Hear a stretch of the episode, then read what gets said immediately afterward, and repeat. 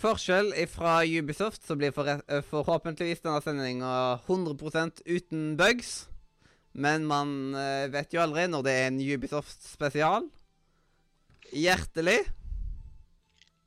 Velkommen til Radio Nordre. media! Woo! Og. Oi, oi, oi, oi. Deilig lyder. I know. Deilig, deilig lyder. Men med meg her i dag så har vi meg sjøl. Det er litt vanskelig for meg å ha med noen hvis jeg ikke har med meg sjøl. Da sender jeg uten seg sjøl er veldig vanskelig. Eh, og, og så videre så har vi O Glatyboy, som O er seg sjøl. In person. Ja. Yes. Og så har vi han som tar eh, bachelor i folkehøyskole. Nei, det er vel bare årsstudium. Nemlig Øystein. Hello. Mm. Så velkommen til gards, eller hva man skal si. Um, og nå håper jeg at folk tar og har kost seg masse med julekalendere fram til nå. Både med Julens rom og Cup er cup, eller hva, Simen? ja eh, det, vi er jo, det er jo 3. desember i dag. eh, Mm. Og eh, vi er godt i gang med adventstiden. Og det betyr jo at vi er godt i gang med Radio Nordre Medias eh, to eh, julekalendere også. Eh, den er Julens Rim, som du nevnte, fra 2018, og årets da helt nye cup er cup med luke nummer tre i dag. Så da er det bare å kose seg. Én cup om dagen er godt for julemagen. En julecup om dagen er godt for julemagen. Yes. Sånn som en julerom om dagen er godt for julemagen. Det høres veldig riktig ut. Mm. Og Julens rom er veldig korte episoder, mellom, mellom 5 og 15 minutter. uh, mens uh, Cup er cup, de første episodene er litt lengre enn De blir kortere etter hvert. Ja. Det er liksom, de første er liksom på 50 minutter, men så blir de en halvtime til 20 minutter. Det var litt Etter hvert. vi, vi, eh, vi brukte litt tid på å finne formatet på de første episodene der, og folk brukte litt tid på å bli vant til eh, malen osv., men det er som du sier, vi fant litt uh, rytmen etter hvert der. Yes. Men vi er i gang, i hvert fall. Og det var dagens luke. Det var vel eh, Var ikke det den derre Pixar-filmer, da? Mm. Da rømma vi Pixar eh, Nei, ikke rømma, Vi tok og kåra de beste Pixar-filmene. Så da kan dere se hva er, hva er best av Monsterbedriften, Ratatouille, eh, biler og Nemo, ja. ja. Og ikke minst, hvilken Toy Story-film eh, havner øverst hos oss? Yes. Er det noen Toy Story-filmer vi ikke liker, man tror? Det får du bare gå og sjekke. Det får man gjøre. Yes. Nei, ellers så er det, ellers er det vel eh, Skal vi si at det er 90 sikkert at dette her er eh, årets nest siste Radio Nord i Media. Ja. Og eh, årets siste ordinære for neste uke så er det en rein julespesial der jeg og Mathias skal komme tilbake og bare lage julekos for dere. Yes. Og for oss sjøl òg, selvfølgelig. Ja. Så da skal vi ta og snakke på bakrommet etterpå om et flott eh, juleprogram. Som eh, nesten garantert julestemning. Det høres eh, meget bra ut. Da burde man nesten bytta ut uh, intromusikken i denne episoden med julemusikk. Så tror jeg det hadde faktisk da hadde gjort det veldig Ah, det du, du Jeg liker det du sier nå. Jeg liker det du sier nå. Mm. Uh, ja, uh, og så kommer vi da tilbake på nyåret med de tre faste sp spesialene på rekke og rad der. Med Mm. individuelle topplister for spillåret 2020. God til sending spillåret 2020, og ikke minst så ser vi framover mot spillåret 2021, som ah, ja. blir et utrolig spennende spillår, for det blir årets første år da med, med nye, altså neste generasjons konsoller. Og det er jo et par spill nå som er annonsert i 2020, som f.eks. et visst Harry Potter-spill, som blir eh, utrolig spennende å se om vi, om vi får i løpet av året. Jeg håper det. Yes. Og vi har- eh, 2020 har jo til nå vært spesialenes år. Det Eh, kan vi yes. Det har vært pandemiens og spesialenes år. yes. Og til 2021 så har vi mange spesialer på lur. Det er et par, det er et par planlagt, for å si det sånn. Ja. Vi har noen A4-sider med spesialer, eller noe sånt. Men vi starter da året som vanlig med de tre faste. De kommer mm. på rekke og rad i januar. Jepp. Og der ble jeg ble alltid å rota med hva sendinger er, selv om vi har hatt de tre år på rad nå. Tre-fire år på rad? rad. gå til først, i hvert fall. Ja. Gå til først. God er den første, så da er det jo liksom kun spill ifra spillere som har vært. Og så individuelle topplister. Ja. Og er det så når vi har opp oppsummert 2020, så skal vi se framover. Siden da, i sending to så er eh, Siden i individuelle topplister så gjelder det alle typer ting, liksom. Og så, ja. Siden det liksom Det går så i surr for meg ennå at det liksom eh, Jeg må snart ta og lage, eh, lage meg en liten definisjon på de sendingene, sånn at jeg husker. Nei, ja, men vi finner ut av det, vet du. Det, det, det kan vi planlegge i eh, Ja, vi kan vel først, først, først og fremst planlegge å gå til jula, så de andre to de går litt av seg sjøl. Ja.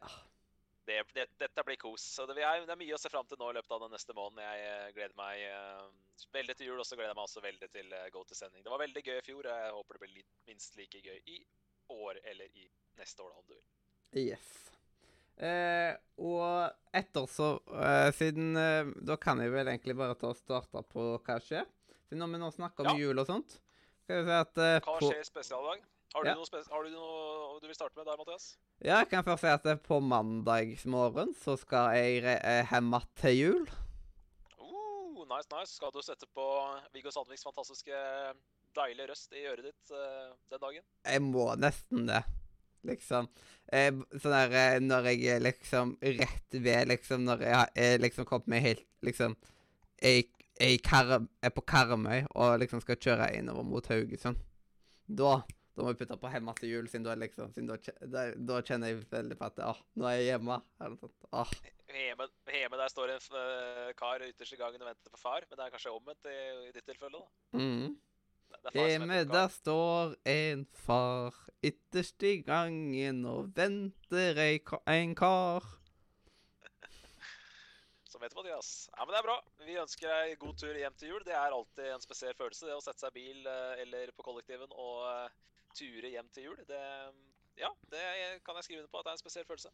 Yes, og så se- jeg, jeg tror det er Rønning han heter, eller noe sånt. Han har satt og laga en korona-julekveldsvise.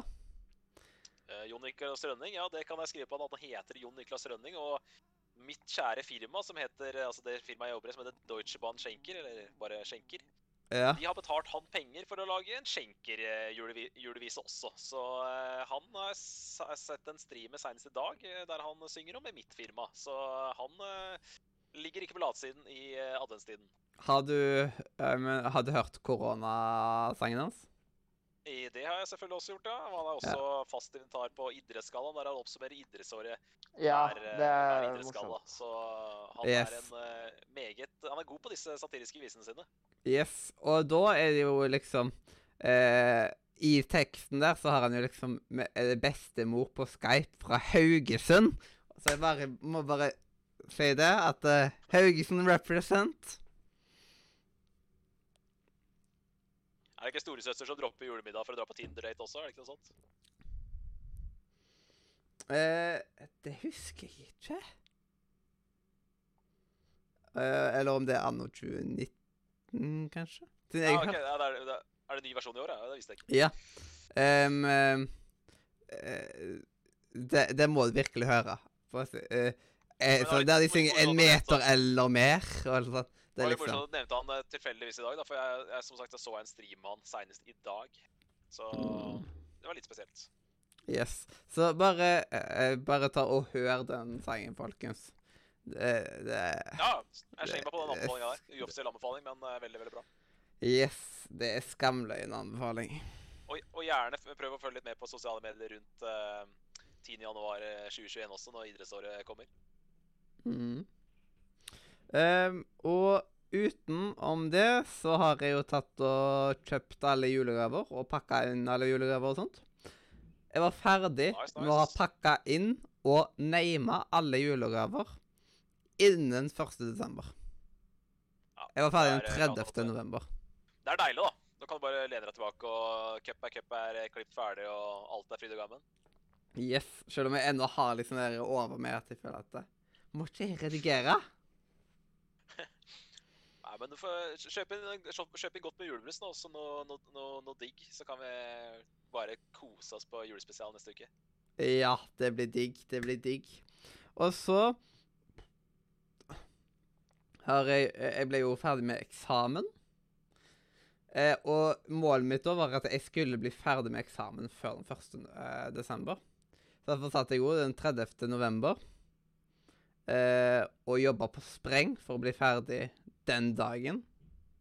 Sånn at eh, når midnatt kom, så var jeg klar med julemusikk, og jeg var ferdig med alle plikter. Nice. Så da, da var det full guffe med julemusikk og sånt. Og så ble det julekalender og sånt. Jeg har jo Harry Potter-kalender dere har åpna tre luker. Du har det, ja. Mm. Ja, det er jo Det er, det er, det er veldig deg, for å si det sånn.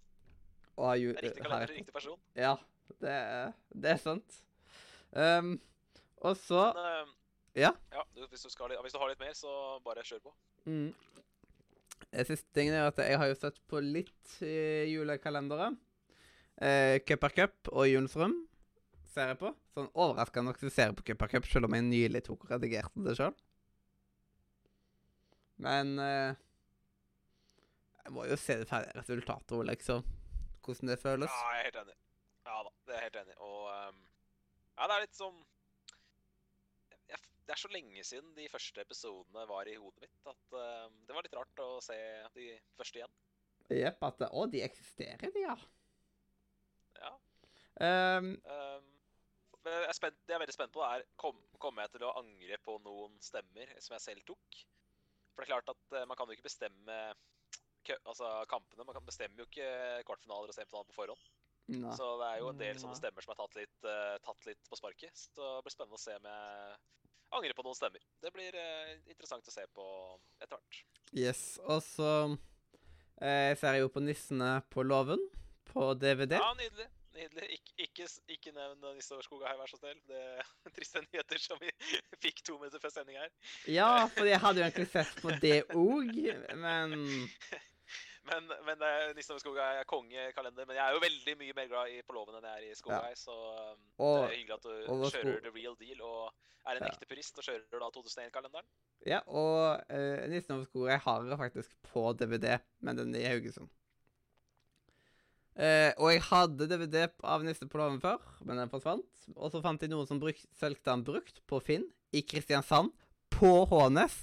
De bodde seks Nei, minutter gange ifra her. Å, det er lov å ha flaks. Det er lov å ha flaks. Ja, det var sånn Oh my god! Og det var liksom, det må jeg bare kjøpe.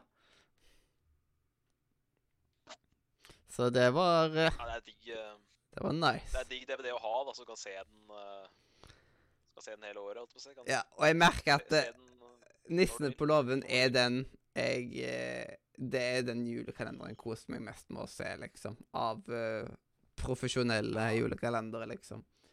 Ja, det er så utrolig mye ikoniske karakterer i den, eh, Ja. i den kalenderen. Det er liksom Det er den Så- Det er liksom Når jeg ser på det, så har jeg bare lyst til å se flere og flere episoder. Så det Så er er det liksom også at en eh, julekalender som, som Det er både en, veldig mye av sånn humor på tidlig 2000-tallet. var veldig gøy da, men ikke, er ikke så gøy i dag. Det har ikke holdt seg så bra. Og så er det ekstra gøy når man har sett både- Boys Voice-filmen. Ja, det tillegget, ikke sant. Da har du jo, du har jo, altså, du har jo Timothy Dahl der som går fra å være manager på Boys House og rett inn på loven for å vinne en million. Det, er, det, er, det, blir ikke så mye større enn det. Men det jeg skulle si, da, var at um, det som er fantastisk med Nissen er at eh, det var fantastisk i sin tid. Men det er faktisk en serie som fortsatt fascinerer, fortsatt fenger. Og Timothy Dahl er fortsatt en helt gnistrende god karakter. Yes. Jeg ha, var uh, Med Vaselina O2001? Uh, 2000. Ja. Men liksom, det, er et, det er ett eh, år forskjell. Blåfjell 99, Vazelina 2000, og så Olsenbanden og Niste på låven rene konkurrenter 2001.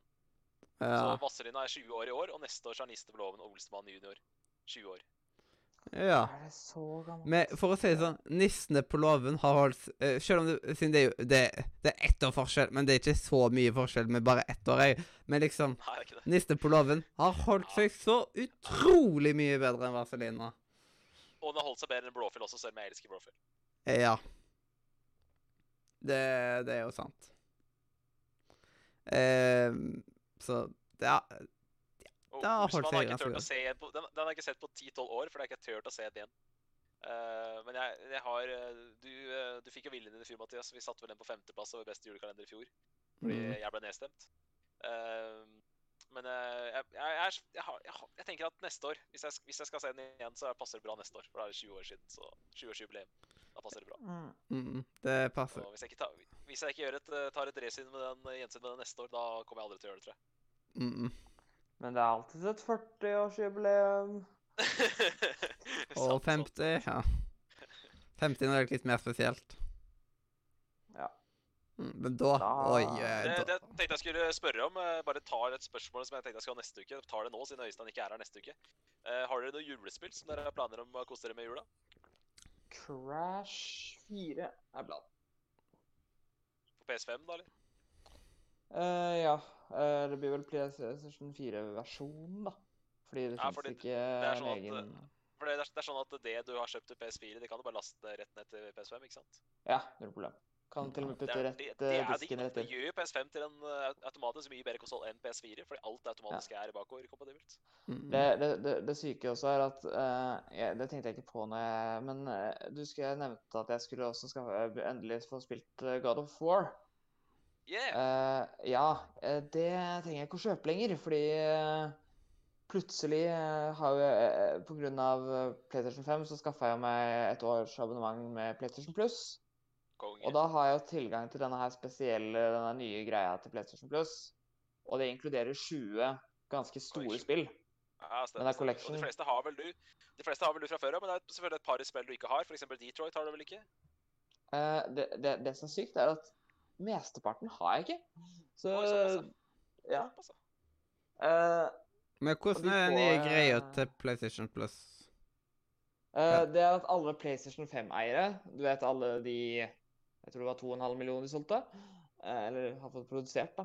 eh, de får tilgang, da, hvis det er PlayStation Plus, til 20 ganske gode eksklusive spill fra forrige Da får du av Detroit, du får Persona 5, gjør du ikke det?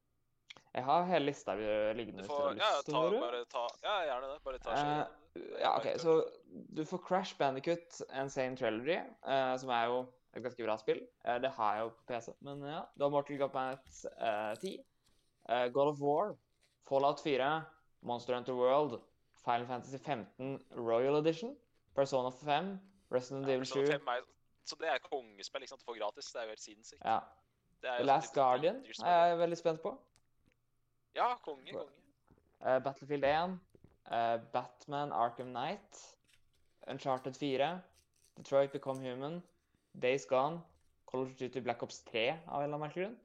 uh. Infamous Second Son, Until Dawn, Bloodborne, The Last of Us Remastered og Ratchet and Clank. Du bør virkelig er- spille Detroit. Ja, Ja. det er jo sånn som Persona 5 er konge for de som ikke har plukka det opp ennå. Jeg har ikke gjort det, f.eks. Uh, nå har jeg ikke en PS5, så det hjelper meg ikke så veldig mye per dato. Men, men, uh, men Last Guard, for eksempel, da, er sånn spill som har gått under radaren for mange. For det er litt sånn sært spill. Det er konge å Mm. kunne få den muligheten til å spille det, teste det gratis. Det er jo helt nydelig.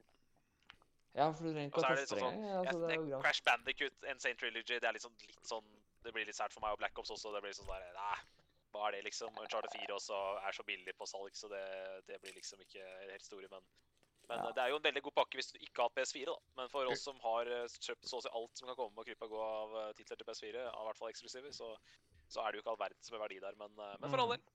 Det er alltid noe. Alltid noe. Det er ikke dårlig liste, i hvert fall. Og litt gøy at du nevner at du har fått PS for Mathias har jo også fått PS Plus nå, så nå er vi plutselig tre her som har PS. Det er jo litt artig. Mm. Ja, jeg hadde Og PS hva- Plus lenge, men jeg slutta av det. ditt første PS Plus-spill, ble, Mathias, hva ble det?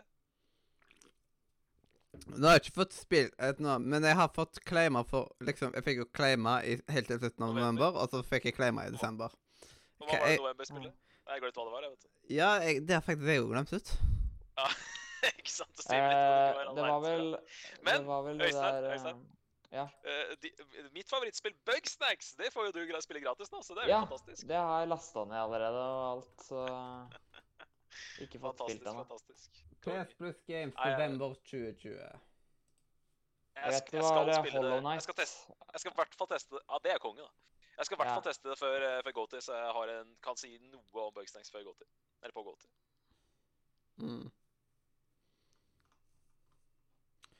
Um, og så i desember så var Har Jeg tok og claima disse her klokka fire svarte du på på julespillspørsmålet? Nei, det har jeg ikke svart på ennå. Um, Nei, du veit ikke. Du er usikker, eller? Å! eh, Just Cause 4 var det. Altså Rocket Arena og Worms Rumble. Det var for Eller det var for bare for PS5, men liksom. Men du skal, du skal med deg Switchen din hjem, ikke sant? Hjem til jul? Ja. Så jeg skal Så det blir uh, 3D Allstars uh, som blir Ja, det er jo beautiful. Det kan, kan ikke bli bedre. Mm. Og så kanskje jeg får Luigi's Mansion 3 til jul. Jeg har det på ønskelista. Oh, nice. Kosespill. Kosespill. Mm. Kosespillalarm. Ja. Det Da, Mathias, da kan du eh, fortsette. mm. Og så blir det generelt Switch-spill. Det er liksom det, det, den type spilling det blir i jula. Jeg, jeg også kommer til å ta med Switchen hjem. Jeg kommer til å ha Pokémon da. Pokémon som mitt, eh, mitt julespill. Oh, Primært, Nice. da. Primær julespill. Så kommer jeg til å spille masse Mario Kart og, og Mario Party, selvfølgelig. Ja. Eh, men uh, men Pokémon blir liksom det spillet som er, ho som er liksom hovedspillet mitt i Euro. Nice. Så det blir, kommer sikkert til å teste en haug spill, spiller, men, men Pokémon er det jeg kommer til å planen min er at uh, jeg har ennå ikke skaffet meg PlayStation Nei, jeg mener jeg har ennå ikke skaffet meg Disney pluss. Hæ? Så jeg tenkte Ja, jeg har ikke gadd. Når du kunne skaffa deg ett års abonnement for ja, ganske grei pris. Ja, men de er ikke så dyre ellers heller. Eh, men uansett uh, uh, Uansett så er det sånn det, var faktisk Det er så mange på skolen min som har Disney pluss, at skolen ble uh, blacklista en liten periode. For de trodde at Siden det var såpass mange kontoer som logga seg inn på samme IP-adresse, så var det noen som trodde det var litt fishy. Men Så vi fikk heller fiksa det et par dager etterpå. Men det er jo litt festlig. Ja, jeg er enig at det er litt festlig. Det er, eh, det er en uh, god beskrivelse av det. Men Disney Jeg husker når vi prata om Disney Pluss, at liksom det var liksom langt fram i tid, liksom. At det, så skal det komme en eller annen Disney strømmetjeneste og sånt. Det husker jeg. Mm. Jo, men det er, Ja. ja, men det er, det er ikke så lett da, det, å vite sånt. Den, ble jo, den kom jo veldig mye senere til Norge enn den kom til andre steder i, verden også. Så. Mm. Men det er riktig at vi begynte å prate om den lenge før den kom. Det er riktig. Ja. Men det er fantastisk neste.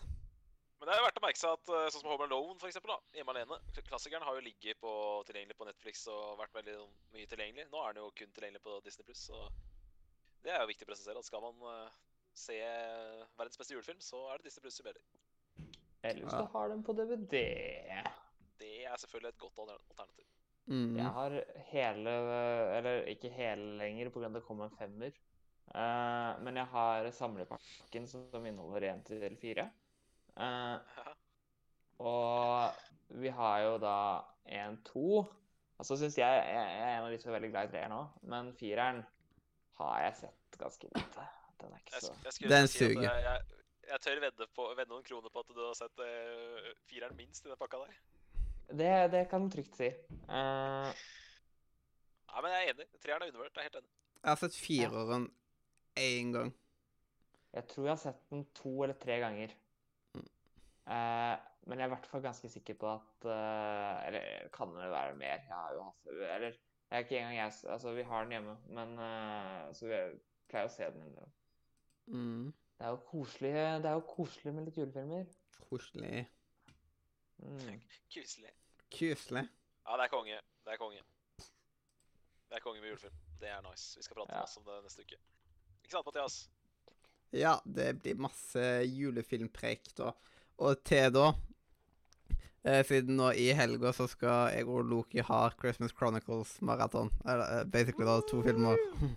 Så jeg skal se én og toeren.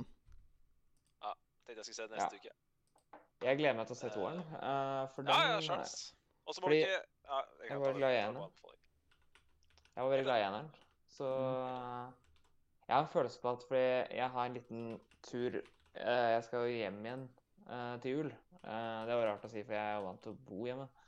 Men eh, jeg skal hjem til jul, og da, da har jeg jo plutselig mange timer eh, med liksom tomrom. Så planen min er egentlig bare laste ned masse julefilmer og bare kose meg med litt julestemning hjem.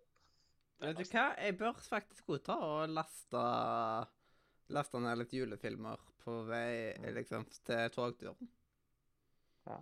Konge. Ja, det, Net Netflix tilbyr vel eh, nedlasting, de, så Ja, Jeg tror Disney Plus også gjør det hvis man har Disney Plus. Ja, de har uh. Disney Pluss har hodet. Det som er Det er- veldig kult er nydelig. eh, med Disney Pluss, som uh, Fordi Netflix har jo ikke en offentlig en. Du må få til via uh, liksom, spesielle modifications. Men eh, det å synke to brukere og se film sammen digitalt, det er jo en standard future i Disney Plus. Ja. Ja, det er helt Mens, eh, Der har de Watch Together, liksom. Det er Ah, Ja. bare som en knapp. Mens konge. hvis du skal gjøre det på Netflix, så må du bruke Netflix Party eller noe. Uh, og det er Det fungerer ganske greit. Eh, men jeg har ikke testa den til Disney siden jeg ikke har Disney Plus selv. Jeg bare så at den var der når, når vi så noen Disney-filmer. For vi har jo hatt Vi har sett veldig mye Disney her i det siste. Det er Ja, det- eh, det veldig koselig. Åh, Men eh, en annen ting som er konge med Disney Pluss, det er jo at de har alle sånne julerelaterte episoder fra diverse TV-serier uh, pakka Mm. inn i én kategori der. Så det gjør at det, er litt, det er lett å gi seg selv litt julestemning med Disney Pluss. Og har de liksom julespesialer? Bare liksom Ja, ja. De har en egen kategori som er julespesialer. Liksom. Det er Så det er jo helt nydelig. Ja, det er konge. Det er nydelig. Så da har du liksom eh, Hvis det er en juleepisode av kvakkbakke, for eksempel, så har du den der. Ja, det Det er liksom eh, Den heter sånn uh, fra, uh, From all of us to all of you, liksom, eller noe sånt. Stemmer, Mm. stemmer. Ja, Ja, det, det er, det er nydelig. Det er kongen. konge. Så jeg har sett alle julespesialene av Phineas og før, liksom. Ah, nice, nice. God serie for øvrig. Mm. Mm. Nei, her på skolen så skal de jo vise i kveld skal de vise Home Alone eh, 1. Og i morgen skal de vise Home Alone 2. Så Åh, det er kult å se Home Alone sammen med andre. Det er nice. Mm. Ja, men jeg gleder meg til å se en enig med Mathias. Jeg gleder meg til å se Christmas Chronicles 2 også. Så, mm. så det, er, det blir gøy å se Kurt Russell bare være julenisse igjen. Han er eh, kanskje verdens feteste julenisse, så det er Ja. nice. Mm. Og Mathias, husk på at uh, den der Tim Burton-filmen som jeg er glad i, den Santa Claus, ligger jo på Disney Pluss. Nice.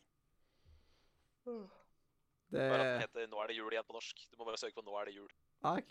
Ja, det er så rart å søke på Disney Pluss, siden det er liksom Det er ikke alle som kommer er opp på alt. Det er riktig. Det er en litt rar søkegreie.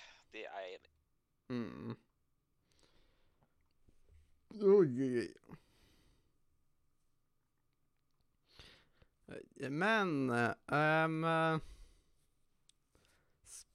Er det noen som har noe som har mer å legge til i hva skjer? Nei, Uh, jeg tror det er på tide å gå til uh, å prate litt om det som vi har spilt i det siste. Ja. Ja. Sett i gang. Yes, Uh, Cyberpunk ble utsatt. Eh, det gjorde at jeg fikk eh, plutselig litt eh, tid til overs en lang helg der. Hva gjør jeg da? Jo, da går jeg og spiller et spill som jeg har hatt på backloggen i fem år. Uh, og kjørte gjennom Rise of the Tomb Raider, oppfølgeren fra Tomb Raider 2013. Og det var sabla artig, ass. Skikkelig, skikkelig kul uh, actionfest. Litt uh, mer varierte omgivelser enn det første. Så det koste jeg meg vanvittig med. Litt mer, sånn, litt mer åpent enn Uncharted. Uncharted er veldig sånn korridorbasert, mens det her var litt mer sånn semi-åpne områder innimellom. Så likte det veldig godt. Og Øystein, du er jo fan av Shadow of the Tomb Raider. Du er vel eh, en av de som liker det? Ja, Du står inne for den oppfordringa av, det spillet? jeg gjør jo egentlig det. Eh, jeg vet det er veldig mye blanda meninger om akkurat det spillet, men eh, jeg har ikke noe problem med det. Jeg er For jeg føler liksom at det, de Tomb Raider-spillene er litt glemt. Altså. Jeg vet ikke helt hva det er, men jeg må innrømme at det blir liksom Altså, jeg, jeg husker at jeg fikk mye god kritikk når det kom ut, men så jeg ble overraska hvor fett det egentlig var å spille. Det var liksom, det var ikke mye kjedelig. Så det var litt mye skyting mot slutten av spillet, men bortsett fra liksom den siste timen, at det var litt mye skyting der, så, så syns jeg det var helt konge. Og ikke, et, ikke kjedelig et sekund. Og for meg som liksom har Uncharted som en av favorittseriene mine, kanskje min favorittserie, så um, var det kult å spille et Uncharted-spill som ikke er et Uncharted-spill, for, si- for å si det sånn. Så det var en veldig, det var en veldig, god, det var en veldig god plan B når, når eh, Cyberpunk ble, som sagt, utsatt. Jeg digga den derre barnescenen i. Den husker jeg veldig godt. I Shadow? Ja. Men har du spilt uh, Rise? Rise of Tomb Raider? Uh, ja, det husker jeg. Jeg tror jeg husker Ja. Nei, for bare husker du drev og anbefalte Shadow of Tomb Raider, så det er, det Mm. er liksom, jeg føler i hvert fall jeg har glemt, så Men jeg Ja. tviler ikke på at Shadow of the Tomb Raider er bra, men uh, det, det ble liksom så veldig Fikk ikke mye hype. Det døde fort. Ehm, ja, nei, jeg skal bare si det. Da ikke utenkelig at det havner på min topp ti. Det er rett, tipper det kommer til å være rett rundt en tiendeplass. Uh, sterk honorable mention eller en uh, niende-tiendeplass på lista, tipper jeg. Og så er det jo dagens uh, tema. Det er Ubisoft uh, spesial. Og grunnen til det er fordi at Ubisoft nå har kommet med tre titler. Tre store titler som vi har gleda oss til um, i lengre tid nå. Og nå er alle ute. Jeg har spilt Watchdogs. Øystein, du har spilt uh, Ja, hvor mange timer har du klokka på Valhalla? Uh, det har vel fortsatt bare 54 timer eller noe sånt. Ja, bare 54 timer, ja. Det vil si Ja. 50 timer på et spill er rimelig innafor. Ja. Og det siste spillet, som faktisk er det jeg gleda meg mest til av Ubisoft sine spill i år, er jo Gods and Monsters, som ikke heter Gods and Monsters lenger, men jeg kaller det fortsatt for det. For jeg liker Ja. ikke den nye tittelen. Eh, Det kommer ut i dag, så da velger jeg heller å sitte her og prate, preike Valhalla med Øystein enn å spille det. Men det er også et spill jeg må teste før, eh, før GoTy, så jeg har eh, noe å melde om det. Men jeg kan ta, det, er, det er jo Valhalla som er dagens hovedtema, så jeg kan ta litt om Watchdogs først. Ja. Eh, spillet er satt i London. Vi liker London. London er en kul by. Så det funker veldig bra. Eh, I åpningen av spillet så du spiller fortsatt som Deadsec. I, uh, i uh, Dead- Watch 2 så spilte du som Marcus, som da var en del av Deadsec. Men i Watchdogs 3 så spiller du som hele Deadsec. Du er Deadsec. Det er greia. Uh, spillet starter med at uh, du skal eh, stoppe en terroraksjon. det går til helvete. Det vet vi jo, eh, for vi har sett trailerne på spillet. og eh, da ligger eh, Deadsec brakk, og så får du da et valg mellom å starte som Du får 15 eh, karakterer å velge mellom. Så kan du da velge, hvem, vel, velge mellom hvem du vil starte med, da. Og da valgte jeg selvfølgelig den norske representanten. en dame som het Ingrid Larsen. Jeg tror hun har et norsk opphav. Hun hadde veldig Høres veldig norsk ut. Hun hadde veldig britisk dialekt, men noe sier meg at hun har et eller annet norsk der. For Ingrid Larsen er ikke det mest Det er ikke, det, er ikke det minst skandinaviske navnet. Så jeg starta som henne, og da ble jeg bare satt rundt i byen. Og så kan jeg bare gå bort uh, til um, hvem som helst i hele byen og rekruttere de. Og hvis du prøver å rekruttere spennende folk, som f.eks. medlemmer av den uh, fiendtlige hackergruppa, eller politi, så vil du da dra fordeler. Og da er det vanskeligere å rekruttere de, da. Så det er alltid litt De kuleste folka å rekruttere er det alltid vanskeligst å rekruttere. Og Mm. litt rart, sånn som traileren viser, at uh, de der bygge, de som uh, jobber på byggeplass, construction workers, de har mulighet til å fjernstyre den der drona som vi så på traileren.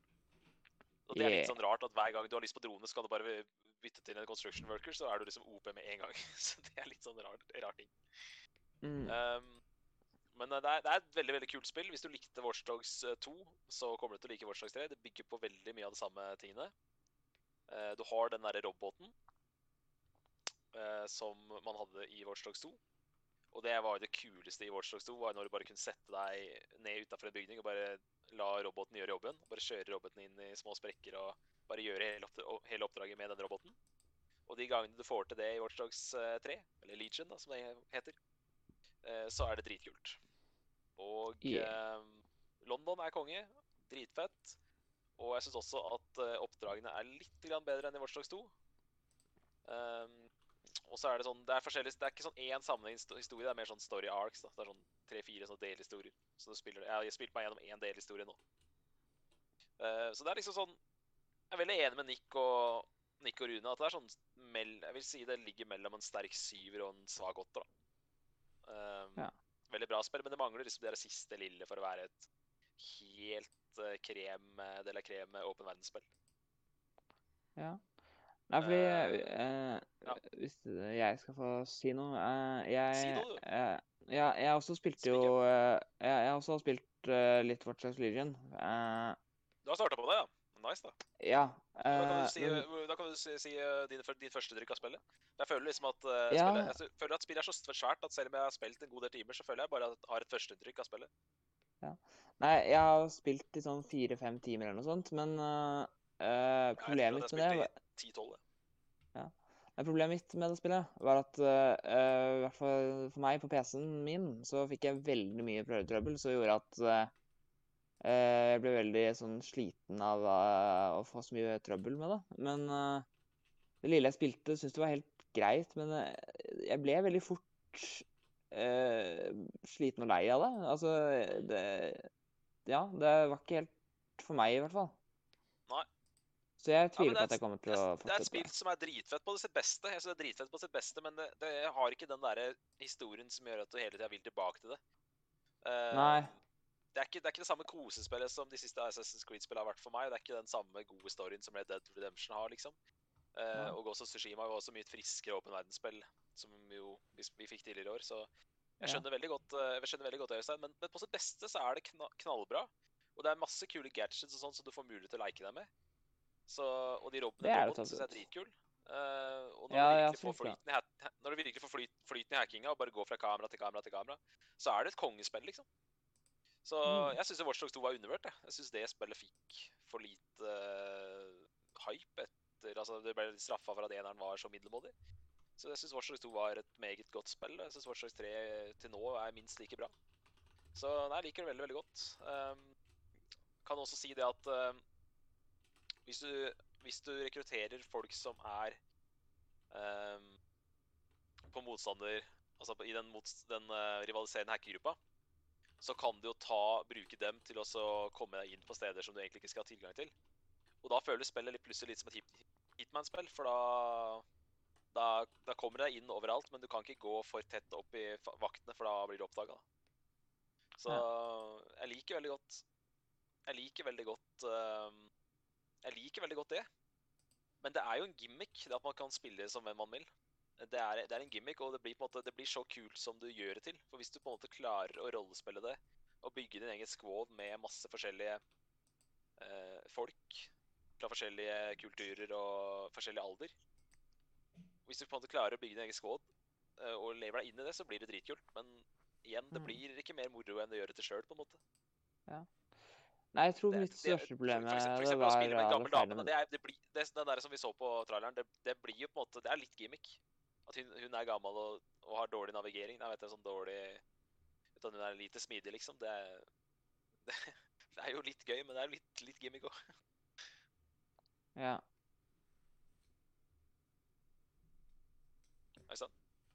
Eh, nei, uh, nei, fordi jeg eh, Jeg vet ikke hva det var. Det, det var kanskje mest pga. at jeg opplevde mye småfeil og litt sånne ting som gjorde at jeg rett og slett bare ble Så jeg, jeg personlig hadde det ikke så der, liksom, gøy Ja, heller. men jeg tror, du hadde, jeg tror du hadde en veldig opp, uheldig opplevelse med spillet. da. Jeg tror du hadde en veldig, veldig og Jeg syns også jeg synes Watch Dogs 2 også var litt vanskelig å komme inn i. Uh, Mm. Så jeg skjønner litt hvor du er. Men når du får flyt med den der radiostyrte roboten, så syns jeg spillet er helt konge. Helt, helt konge. Og det er noen Mm. sånne Det er også noen sånne eh, oppdrag som tar for seg de forskjellige landemerkene. For eksempel så skal du hacke deg inn i Big Ben og sånn, og de, de oppdragene er ikke kommet til ennå, men de, de ser jo dritkule ut.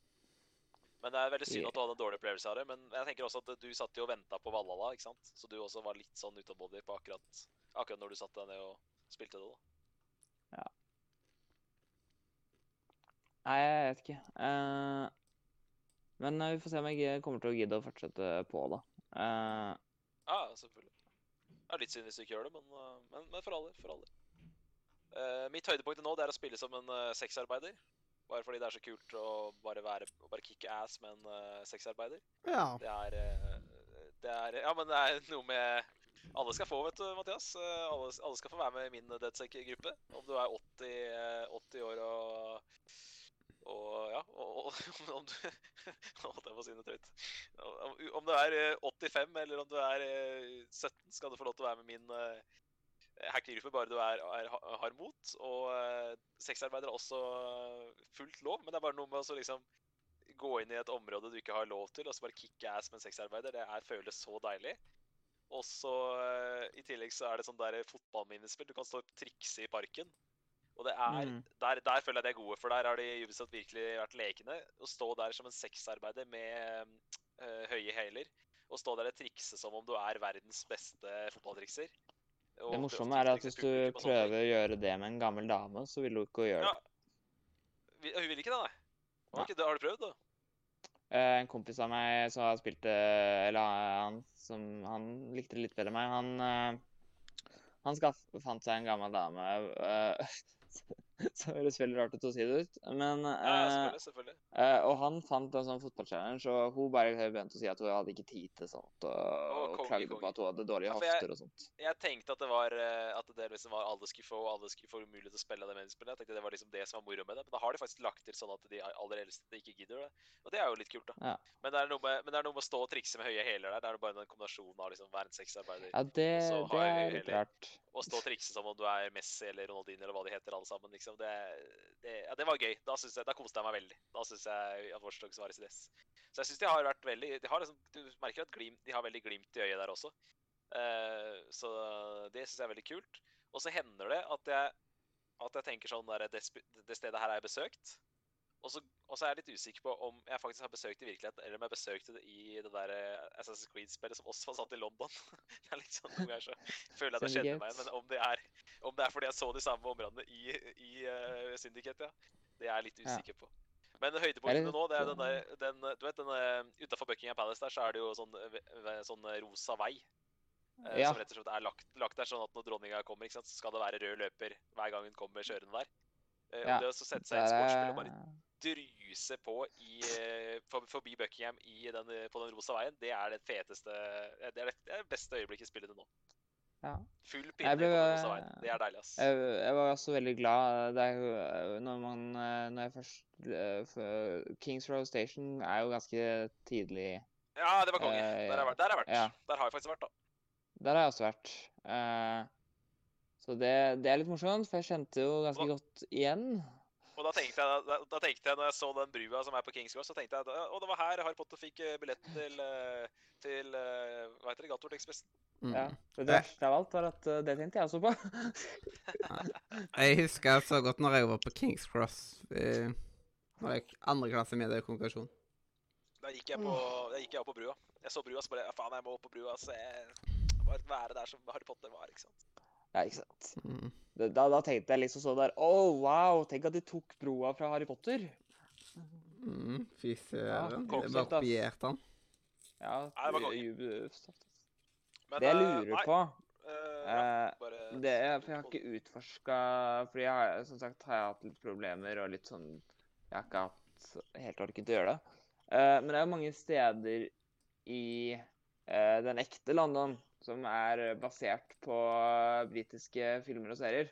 Så jeg lurer litt på om de er der. Altså de landemerkene som er dedikert til da, så kan du jo finne uh, Huset til Sherlock Holmes er jo en ekte location. Eller har blitt en ekte location. Stemmer, stemmer. stemmer. Uh, Så man kan jo uh, For hele London er jo i spillet. Så den burde jo i teorien være der. Men har de gjort det? Det lurer jeg på. Nei, jeg vet ikke. Men jeg, det trekker Eh. opp, jeg syns det trekker opp spillet at det er satt i London. da. Jeg, syns det er utrolig kult. Og jeg syns det var utrolig kult i Syndicate og Syndicate også, synes jeg også undervurdert spill. Synes det er knallbra. Ja. Men eh, for å, for å konkludere her, da, vi må, vi må gå litt videre. Vi må, vi må, vi må dekke Valhall òg. Vi kan ikke bruke for lang tid på Watchdogs. Uh, men eh, for å oppsummere jeg, jeg, jeg, altså, jeg har fått den flyten, Øystein. Jeg har opplevd at spillet virkelig er bra. Og jeg syns det er dritbra på sitt beste. Men det mangler liksom noen prosent for å være liksom så engasjerende som de beste åpen verden-spillene er. da. Og da Mm. tenker jeg på eh, Odyssey, Assassin's Creed Odyssey og Red Dead og, og Ghost og Tsushima, som jeg spilte tidligere i år. Det ga meg også, ga meg også en del mer. da. Den gleden av å utforske og sånn ga meg en del mer. Men uh, Ah. og så føler du føler spillet veldig Ubisoft, det må jeg si. At uh, har du liksom, Hvis du har spilt noen Ubisoft-spill, så kjenner du alle elementer. Men, Det, det føler jeg nesten alle Altså, det Det kommer man, vel så dessverre ikke unna. De er veldig glad i den Men det vi- virker som det Veldig. gått litt nye veier med Gods and Monsters. Så jeg, utrolig, jeg gleder meg utrolig til å sette meg ned med Gods Ja. and Monsters. da. Og det Ja, blir jo jeg litt sånn for mange, jeg, tror, jeg tror mange ser på det som Breath of the Wild Light, men jeg har jo ikke spilt Breath of the Wild, så jeg kommer sikkert til å Har du få ikke? litt ekstra Jeg har ikke det! jeg har ikke det. Men, Visste du ikke det nei, du, som nettopp har fått deg Switch, og så har du ennå Ja, ikke men jeg, jeg har ikke det. Jeg har eh, det er 3D Allstars. en ting, vet Du har jo til og med Wii U. Du har ingen unnskyldning til å ikke spille det Ja, godt poeng, godt poeng, faktisk. Det har jeg ikke tenkt på. Men det skjedde meg, jeg er en, jeg er en prist. Jeg, jeg går for the real deal, ikke sånn eh, bullshit-piss. Um, Det er så Men, eh, på men ja. U. og det har jeg god tid til å spille. Uh, Det, det, er, det, er, det er et spørsmål om Mm. orm når, ikke om hvis. Men uh, jo, uh, Gaza Monsters eh, Det er jeg faktisk utrolig spent på. Eh, og det virker som eh, Det virker som det har fått litt blanda, men de som digger det, de elsker det spillet. Så det er Ja, jeg, jeg hørte Men- det var mye, mye fokus på puzzles og sånt. Ja, jeg vet det. Og det er ikke meg imot. I hvert fall ikke enda. Men Øystein, jeg har jo sagt om eh, Assassin's Creed Valhalla at det jeg gleder meg mest til med det spillet, det er å høre deg prate om det. Så da er jeg bare utrolig spent Ja. på å høre hvordan dine 50 timer med dette fantastiske vikingspillet Og du har jo også tatt turen til England. I likhet med meg så har du tatt turen til England, har du ikke det? Ja, bare en litt annen tidssone. eller tidsperiode, mener jeg. Tidsalder. Eh. Tidsalder. Eh, Right, det er vel Det er vel ca. 700 år i forskjell eller noe sånt. Eh, mellom Altså tidsalderen. Eh, men ja, eh, hvor skal vi begynne? Altså, jeg var jo ganske heldig. Eh, fordi eh, jeg starta jo den karantene Altså, for jeg var jo i karantene, jeg, når det spillet ble lansert. Ja, det var så heldig som var i karantene. Ja, altså eh, Det Jeg, jeg drev og tulla litt med det, fordi jeg drev egentlig og tenkte ganske mye når det begynte å komme. og bare sånn, Hvordan i alle dager skal jeg få tid til å spille igjennom Assassin's Creed eh, Valhalla? Og så plutselig kommer liksom et par dager før lansering bare sånn Yo, dere alle, alle på skolen var i karantene. Og så bare Shit, der kommer jo løsningen! Uh, så jeg var jo ganske klar. Uh, de første dagene i karantene så var det jo altså søndagskvelden og mandagen, da, for det kom jo ut på en tirsdag. Eh, så var det ganske dølt. Men med en gang Assassin's Creed kom, så hadde jeg Altså Jeg, jeg har jo 50 timer. Og de 50 timene er jo den uka jeg var i karantene med spillet. For jeg har ikke hatt, uh, tatt meg tid til å spille så særlig mye etterpå, dessverre. Men uh, det er jo Altså, hvis vi starter med det første, og man alltid reagerer med spill, er jo grafikken. For det ser ufattelig vakkert ut. Hele, hele spillet ser bare fabelaktig ut. Uh, skal vi se uh, Jeg vet ikke hva mer jeg Altså eh, eh, Altså, grafikken på min fantastiske PC eh, ser i hvert fall veldig bra ut. Der, ja. Nå er jeg grønn. Ja. Eh. Eh, nei, men jeg bare skulle si at eh, det er jo, Hva er vel bedre enn når du først havner i karantene, enn å kunne spille et helt nytt Assassin's Creed-spill med 100 timers spilletid? Det kan vel ikke bli så mye bedre? Ja. Nei, eh. Ja, eh, jeg har jo eh, Jeg er fullstendig klar over at jeg er langt ifra slutten, eh, dessverre. Eh, Men det har bare stoppa litt opp pga. av eh, Det er ikke dessverre, det. Det er jo Gustav. Det er jo ta det, ta Ja. Romak. Ja, ja. Uh, jeg veit, men uh, det er bare det at jeg har bare ikke hatt tatt meg hatt så mye tid i det siste ah, til å spille. Så da er det litt synd å vite at det ligger liksom ganske mange timer bak der.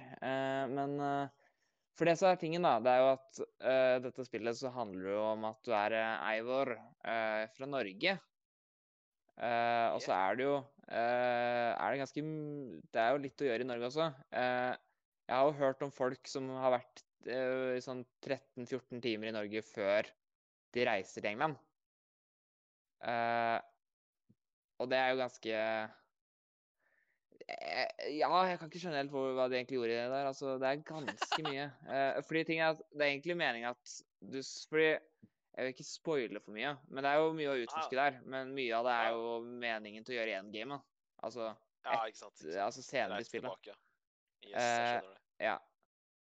Uh, og i starten var jeg Altså, fordi Norge, når vi først utforska Norge, uh, så var mitt uh, førsteinntrykk ganske Altså, ikke dårlig, men litt middelmådig.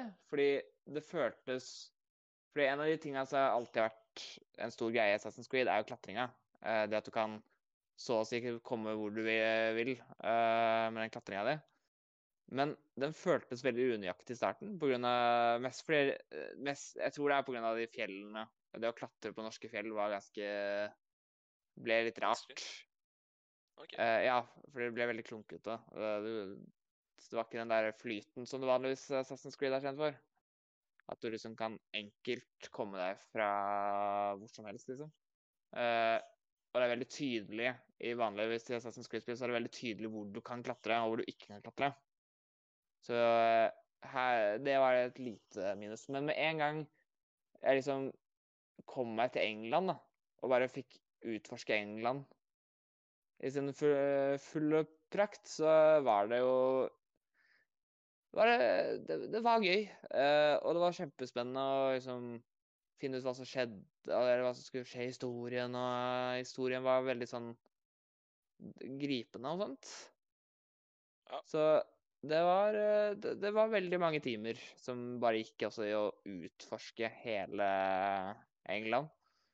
Eh, og så har de jo eh, De har jo fortsatt RPG-elementer. Eh, men der føler jeg eh, Altså, jeg vet ikke Altså, fordi det her er jo laga av de samme folka som lagde Origins, er ikke det? Jo, sånn som jeg har forstått det, ja. Ja. Eh, og jeg var jo aldri så glad i Origins, for jeg følte at eh, Altså, i forhold til Odyssey Jeg likte jo Origins også. Men jeg, jeg føler liksom at jeg kan kjenne at det er et annet gjeng som står bak. Fordi det, det føles som at jeg har gått litt tilbake på noen elementer. For eksempel RPG-elementene føles litt sånn De er fortsatt der, men de er litt mindre med. Eh, Jeg føler f.eks. eksempel at det er mindre viktig å få tak i nye våpner og sånt. Eh, Det gjør ikke noe. Det er mange, Altså, mange, ja. mange, syns det er veldig positivt. da, At du for, I Odyssey er det sånn du finner et våpen som du ikke kan bruke frem seks leveler, liksom. Det er jo litt rart, det. Ja, det, det er sant. Men eh, for her har de jo ikke leveler i det hele tatt. Her har de faktisk satt vekk leveler og bytta bare med at du får skill points. Eh, og de skill pointsa får du uh, Altså uh, Det er ikke sånn som vanlige level-systemer at du liksom At jo, jo høyere level du er, at det øker.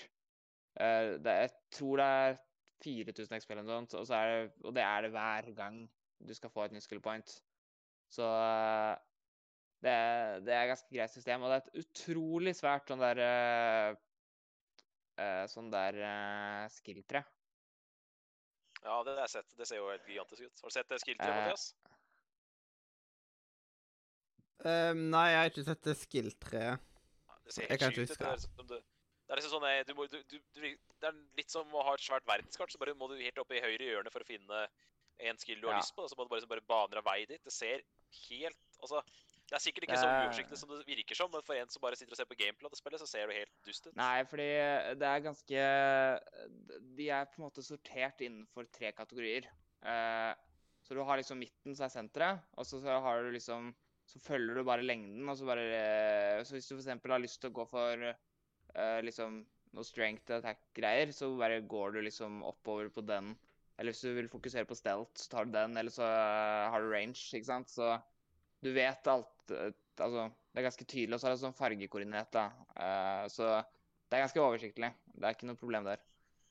Uh, og så er det, det eneste som er litt uoversiktlig noen ganger, er uh, Fordi det er ikke sånn at alle prikkene du Det er på en måte en strek mellom noen av, prik, av disse prikkene, og du må liksom unlocka Du kan kunne unlocke den som har en strek til hverandre, og av og til så ser du liksom to prikker som står rett attmed hverandre. Men av en eller annen grunn så har de ikke en strek mellom hverandre, så uh, du må liksom gå rundt for å få den ene skillen du har lyst på. Som er litt rært. Men uh, fullstendig tolererbart.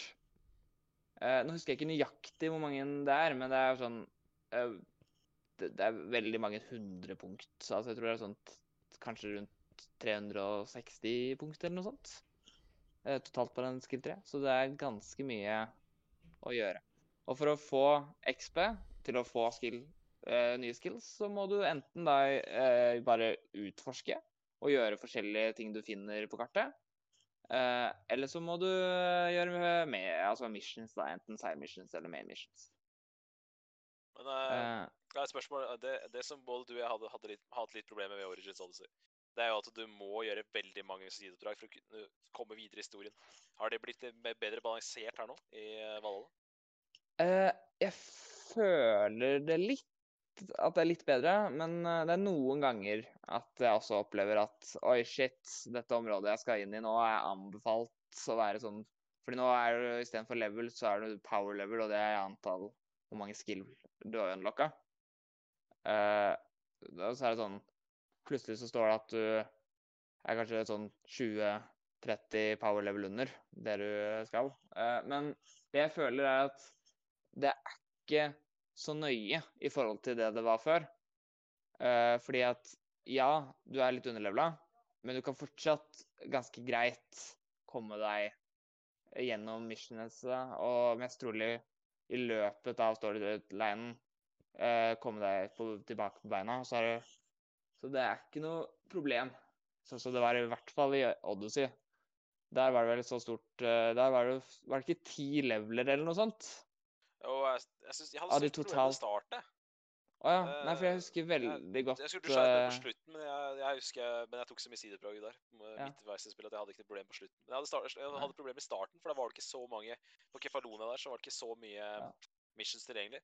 Men eh, For maks level var vel 50 sånn som jeg har skjønt, da. Som jeg skjønte, så er eh, De hadde jo De solgte jo en XP-booster eh, Ja. for en hundrings på Odyssey. Det har de vel kutta i det spillet her, så vidt jeg har skjønt. Eh, jeg har ikke sjekka, fordi jeg har ikke trengt det. Eh, men jeg, jeg håper det også, fordi den er var kjip. Det eneste jeg har sett, er at fordi du har jo disse her eh, For etter hvert så vil du få masse prikker på kartet. Eh, du kan kjøpe for ekte penger, da. En sånn derre greie da bare plutselig får du opp alle prikkene på kartet med en gang. Og hva det er nøyaktig og sånt. Og Det det er er ikke sånn så rart, da. Ja. Det er sånn Det blir litt, sånn, det blir som å kjøpe en, eh, en sånn complete game guide. Liksom. Det, det kan man gjøre i andre spill òg. Ja. Men eh, eh, det trengte jeg ikke, for jeg hadde nok prikker på kartet. Altså, Ja, ikke sant? Eh, det var ikke- hvem vil ha det, liksom? Det, var ikke, det var ikke det jeg satt og tenkte på når jeg spilte i Fentitiver. Bare å nei, jeg skulle hatt noen prikker kartet. Og Ubisoft har jo alltid fått kjeft for at de har for mange ikoner på kartet og ikke for få, ikke sant? Så det er jo bare Ja. bra, det. Ja. Det er fortsatt med eh, egentlig altfor mye prikker på det kartet selv, eh, om du har det. Men, Eh, jeg har noen Ja, du bare tar litt mer, du. Eh, det som Det kanskje største problemet jeg har med storyen for min del, er at den ble litt sånn smålig repetitivt etter hvert. Ja. Eh, for historien er bygget opp i eh, Hæ? Nei, jeg hadde mange anelser om det, ja. At de Ja. historiene begynner å bli litt eh, like. eh, Ja. Odyssey og Origins. Jeg Så det blir ikke nødvendigvis årets storypris på Banana? Twin, twin, nei, Tell me lie- Tell me why har en, en konkret mindre, Mathias. Ja. Men, eh, nei, fordi Nei, men, men, jeg, men jeg bare føler Origins Odyssey liksom, Det er ikke det jeg husker fra de to spillene. Det er ikke, det er ikke storyen. Nei. Nei, det er fordi tingen med denne historien her er at den er, den er interessant. Eh, veldig interessant, men problemet er at eh, alle Fordi den er bygget inn i forskjellige soner. Eh, for ting er at du starter jo eh, Du skal starte en ny by, eh, eller en ny liksom klan, i England. Eh, det er jo det som skjer, er jo at du rømmer uh, et Jeg vet ikke om jeg Har de sagt hvorfor du stikker fra Norge? Nei, du har ikke sagt det. Okay, da Eh, du trenger ikke å gå, du trenger, vi trenger da ikke går å gå ikke inn på detaljer på hva som skjer i Norge. Det, det kan Nei. vi holde litt Ja, til. men, Men, eh, men altså, det skjer skitt i Norge, og så, og så Ja. da tar man og bygger opp en ny eh, Ja, flytter til England da, basically. Ja, de rømmer til England. Ja, Eh, rømmer til England. eh, og der de sin, vil de starte sin egen regl nei, religion. Ja. Eh, de vil starte sin egen eh, liksom klan, altså en egen område. Eh, og da har de jo problemet at England er jo allerede ganske booka. Så derfor prøver de da å alliere seg med alle andre klanene i England. Så hver gang du skal starte en ny storyline, så må du gå til eh, en som da er liksom i basen din, snakker med henne. det som er morsomt, er jo at akkurat sånn som i både et, og, og i hvert fall Odyssey, uh, så kan du jo få deg Du kan få deg kjæreste. Ja, ja, det funka jo ikke, det funka ikke så bra i Odyssey. Nei. eh, det som er morsomt, er at eh, jeg endte opp med å bli kjæreste med henne. Som, eh, som, som ga meg oppdrag. Så hver eneste gang jeg var innom og snakket med henne før jeg oppdrag, så jeg på, kunne jeg velge å ligge med henne også. Eh, så det var veldig morsomt siden jeg valgte å være en kvinne. Uh, ja. Men ja, hun eh, gir deg da altså en nytt om... Eller du bestemmer. og Så oftest har du sånn to-tre alternativer og hvilke soner du har lyst til å uh, prøve å liksom alliere deg med. Og så reiser du til den sonen, og så møter du mest trolig en eller annen person som har lyst til å bli konge. Og så hjelper du han personen med å ta ut den, den kongen som er der. Ja. Akkurat Og- som vi så på den de demoen i sommer. Er det, Ja. Den eh, Playable-demoen Eller den derre ja, demon eh, Hva heter det, Hva heter Mm. det egentlig? Sånn presentasjonsdemon fra Ubisoft i sommer. Ja. Uh, og det blir veldig sånn det, det, gjør det Og det som er problemet er at de gjør det også ofte veldig på De varierer litt mellom forskjellige ting, men det er ikke nok variasjon til at det på en måte blir veldig Altså, det blir veldig repetitivt. Uh, for det er liksom sånn Mest trolig så skal du uh, invadere et slott, uh, og som oftest skal du bruke en rambukk som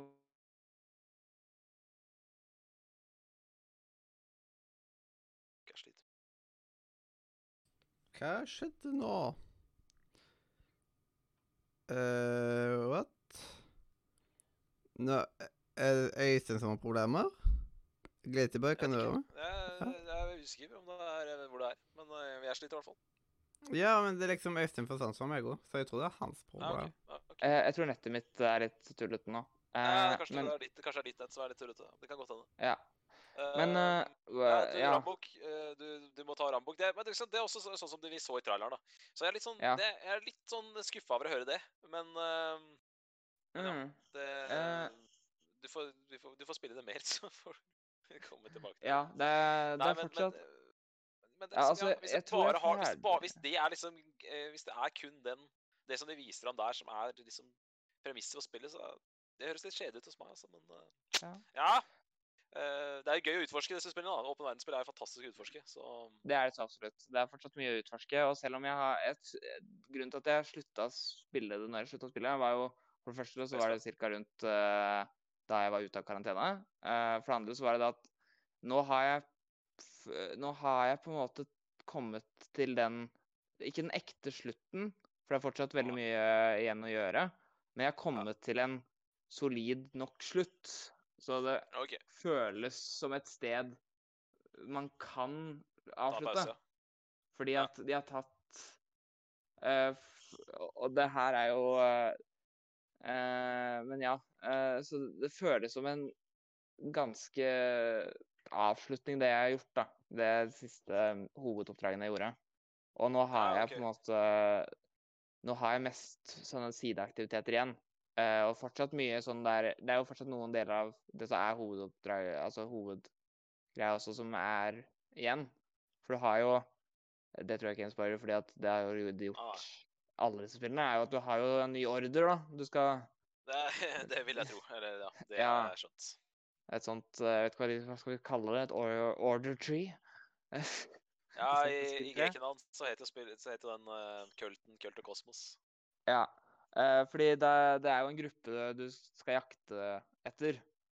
Eh, og de eh, fleste av de er jo i hovedhistorien. Eh, mens noen av de eh, Eller noen av de er bare finner du bare utenfor, eh, liksom ute i verden. Eh, så jeg har ikke tatt alle de igjen. Det er liksom det jeg, jeg har igjen. Å finne alle de, Er det, er, det eventuelt sånn som på, er det sånn som i Odyssey at du bare random kan gå inn i en grotte, og så er det en eh, sånn order-medlem der? Sånn helt tilfeldig, liksom? Eh, jeg tror det. Eh, det er i hvert fall av og til jeg har møtt eh, på noe For du, du, du har liksom forskjellige rangeringer da, av disse her. Den er heldigvis eh, Det var jo det kuleste i, i Odyssey, når du bare tilfeldigvis bare OK, du bare havna i slåsskamp med en fyr, og så bare Å, han var Mm. med, med kult med dem, han da. OK, greit. Kjempebonus, da. Ikke sant? Eh, en annen ting som er litt uh, syk, det er, det er heller ikke en spoiler. Det, det er uh, Fordi ting er at eh, de har jo alltid den her confirm kill. Eh, hvis, du har Ja. valgt å slå, hvis du har valgt å slå dem i hjel istedenfor å assassinate dem, så må du liksom confirme killet. Den animasjonen er sjukt grotesk. OK. Såpass. Den har aldri vært noe grotesk før, da. Så det har bare vært Nei, sånn fordi- dypere blod, liksom. Så. Ja, fordi tingen er at altså, ja, men du har liksom fortsatt den der, eh, den delen òg, men eh, hver gang du skal confirme et kill, så ser du liksom organene til personen, og et, uh, da sverdet ditt, eller kniven din, liksom. uh, som går rett inn i hjerterota, og så sprenger hjertet, liksom. Uh, så det er sånn sjukt detaljert, grotesk del, så de bare la til, fordi det, det, det trengte Assassin's Cruise. Dette gleder Mathias seg til å spille. Det som er litt morsomt, er at Mathias også sitter med spillet, så han har jo eh, ja, fordi jo det var jo denne eh, her norske. Yes. Det var jo nord nord nordmannssalget. norske, norske vikingprisen. Yes, når, uh, når utlendinger begynte å liksom uh, ta. VPN for å vi- Ja, jeg er i Norge. Totally. Ja. Nei, det, det Det var litt er spesielt. Det, det var veldig, veldig rar ting. Veldig rar ting. Mm. Nei, jeg Det jeg si. har, eh, jeg har en kompis som uh, utnytta det tilbudet i klassen. Og så hadde jeg en på skolen her som uh, ikke utnytta det fordi de trodde at det ville bli refunda, noe som det ikke ble. Ja, Så, jeg, Ja, jeg, tok, det. eh, jeg tok årets mest spontane kjøp. ja, jeg er hadde. Ja. ja, Altså, 100 kroner. Det er, det er et røverkjøp. Eh, Ja, skulle man noen gang ta et uh, spontankjøp, så var det da. Det var jo til og med Det var jo ikke Du fikk ikke bare spillet. Du fikk jo til og med den special edition. Ja. Som var enda bedre. Den som koster ett Altså, det- vanligvis ja, koster sant, eh, nesten Og det inkluderer jo begge DLC-ene neste år, gjør det ikke det? eh, Jo, det regner jeg med. Ja, siden det er season pass. kult. Ja, det er med season Pass, ja, nettopp. Ja. Da, kan, da kan du dra- dra til Irland, er det vel vi skal neste år, så det blir spennende, vet du. ja. Nice. Kommer det noe galere der og Mm. Uh, nei. Ja, fordi jeg, jeg, jeg Det er litt morsomt, fordi du får jo også, hvis du har den special edition eh, Jeg kjøpte den ikke fordi jeg hadde allerede kjøpt spillet. uh, men pga. at jeg ville prøve Watch Dogs Legion, uh, så tok jeg jo uh, Fordi på PC så har du jo Ubisoft-abonnementet. Uh, som er den eneste greia Det var sånn jeg skaffa meg Watchdogs. Uh, det var liksom fordi For en hundrelapp, da, så fikk jeg jo muligheten til å spille Watchdogs uh, den i en måned. Uh, og da fikk jeg også Ultimate Edition av Watchdogs. Og jeg fikk også, på grunn av at jeg har uh, Altså, jeg, siden i den pakka så skulle du egentlig få uh, Ultimate Edition av eh, Assassin's Creed også, så jeg fikk jo den også. Eh, så jeg har jo spilt med Ultimate Edition. Eh, og det som var litt morsomt, er at jeg også funnet ut hva som skjer hvis du gjør det på den måten. Fordi nå har jo ikke jeg Ultimate Edition lenger. Eh, så det som skjer, er at du mister de bonusene du egentlig skulle få. Og hvis du Det som er litt morsomt, var at eh, mens jeg fortsatt hadde Ultimate Edition, så mista jeg internettconnection en gang. Og da mista jeg de greiene mine. Uh, som jeg hadde brukt liksom in game-ressurser til å levele opp. Eh, men de ble plutselig, når jeg fikk de tilbake, så ble de degradert til det du vanligvis får dem, som da er liksom ikke det dårligste nivået, men nesten det dårligste nivået. Så jeg mista masse in game-ressurser av det. Så det var litt dårlig. Yeah. Uh, ja. Um, ja, men jeg tror vi skal begynne å, å konkludere litt, eh, Øystein. Du har, Ja. eh, du har sagt, gitt oss en liten sånn smakebit på det du har opplevd. Eh, Jeg har skrevet opp Mm. noen spørsmål her som jeg må ha svar på, så da, da Det er bra. Uh, ja, du har vært litt inne på hvordan det skiller seg fra Odyssey Valhalla, så den tror jeg vi kan hoppe over. Uh, Eivor. Uh, hvordan liker du. Eivor i forhold til Bayek slash Cassandra? Mye Altså, jeg syns to er Altså, jeg spilte jo som ho, da, ikke han. Fordi du kan jo velge skjønn her også. Jeg jeg veit ikke, altså. Jeg likte bedre Cassandra. Eh, men jeg likte også Fordi liksom Bayek syns jeg var ikke så interessant. Så jeg vil ja, men jeg ville putta det imellom de to. Som en Ja. Ja, men konge. Ja. Eh, jeg digger Bayek. Jeg synes han var konge. Ja. Men eh, jeg er nok enig i at Ja. Cassandra er over Bayek. Eh, Mm. Men så er det da et eh, veldig interessant det du sier om eh, valg av kjønn eh, i starten her. For du kan jo velge tre valg. Du har da mann, du har dame, og så har du denne den i midten, som da er eh, recommended, eh, såkalt anbefalt, og også canon. Eh, da er mitt store spørsmål hvorfor i all verden valgte du ikke det som er anbefalt fra utvikler? Mest fordi at jeg, når jeg skal spille øh, det, Jeg tror det Det kan være fordi at jeg rett og slett hadde nettopp opplevd Watch Dogs, og jeg følte at det var veldig rart å bare ikke ha en fast hovedperson. Fordi jeg syns Jeg, jeg, vil, jeg vil heller ha Altså, jeg, Kan tjene litt. Ja. eh, fordi jeg nettopp opplevde at jeg må bytte hovedperson hele tiden. Eh, og så bare fikk jeg alternativ med å bytte her, og så tenkte jeg nei, jeg har lyst på én hovedperson. Og da valgte jeg Da valgte jeg henne. Jeg hørte at Så det gikk, det gikk en faen i deg, rett og slett. Du bare Fuck Ubisoft, jeg driter i hva dere har tenkt. Jeg skal spille som kvinnelig Eivor. Ja, nei, men for jeg føler det virker så rart når du spiller et spill, og så plutselig bare midt i spillet så bare Å ja, nå er det en annen versjon av den Altså, det er ikke bare det at du er en annen karakter. Du er en annen versjon av Jo, samme karakter. det er jo en mening bak. Det er en story, storybasert mening bak. Du får Øystein. vite hvorfor det er sånn. Det er jo rett, det er jo rett og slett på grunn av sånn som det med klovnefiskere, vet du. Sånn som Adrian forklarte oss en gang på sending, at uh, Ja, hvorfor ja, Nemo er feil og sånt. Ja, ja uh, for plutselig så får du uh, Jeg kan skjønne klovnefisk, men mennesker har ikke den samme egenskapen, altså. Eh, Nei, jeg jeg syns det er rart å ikke spille spillet som utvikleren har lyst til at du skal spille det, men, men igjen, det er ditt valg. Dette har jeg sagt til deg før. Dette er ditt valg. Mm. Og eh, jeg likte også veldig godt at det var eh, mannlige og kvinnelige karakterer. Altså at begge karakterene var med i historien i, i uh, Odyssey, så jeg hadde definitivt valgt, valgt midten. Og jeg har vel også forstått det på deg, Mathias, at du kommer til å velge komboen. Jeg var imellom eh, kombo og kvinner, liksom. Altså ha, var du veldig sterk på dette med at ja, du bør ta komboen og sånt. Ja, men eh, Rune Fjell Olsen spilte kombo. Han anbefalte det sterkt, så da ser jeg ikke noen grunn til å ikke gjøre det. Men eh, selvfølgelig, du har ikke tatt valget ennå, Mathias. Jeg skjønner at du kan endre det. Det er helt greit. Eh, jeg, jeg kommer i hvert fall til å Hvis, det, hvis jeg noen gang starter på Valhalla, så kommer jeg garantert til å ta komboen. Det kan jeg bare si her og nå. Mm. Eh, men da har vi fått svar på det. Det er helt greit. Eh, ja, sammenligna med Cassandra Bayek. eh, det var du litt innom. Yeah. Og så er det jo da kanskje det som jeg har vært mest spent på i dette spillet, det er jo denne settlementen som minner meg veldig om det man fikk med campen i Red Dead Redemption 2. eh, som jeg jo er veldig glad i, og også kanskje min favorittdel av Red Dead 2. Hvordan fungerer settlementen? Den Altså, jeg vet ikke hva jeg forventa, men jeg ble litt sånn småskuffa. Eh, den Noen deler av den er litt kul, mens uh, det, den er litt sånn uh, Den er litt Den er der, men du, jeg føler aldri nødvendigheten til å faktisk gå innom de forskjellige husene der og faktisk gjøre det de ber om. Det er mer Ja, sånn sideaktivitetsgreier. de, de tilbyr deg jo- de tilbyr deg jo å, å, å bli venner, altså sånn dra ut på jakt sammen og sånne ting.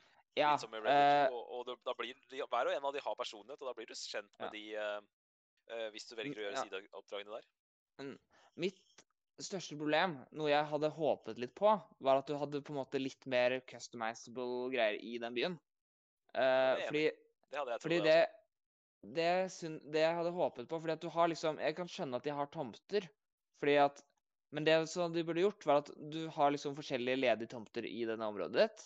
Det er jo fordi at det skal være lett for dem å kode.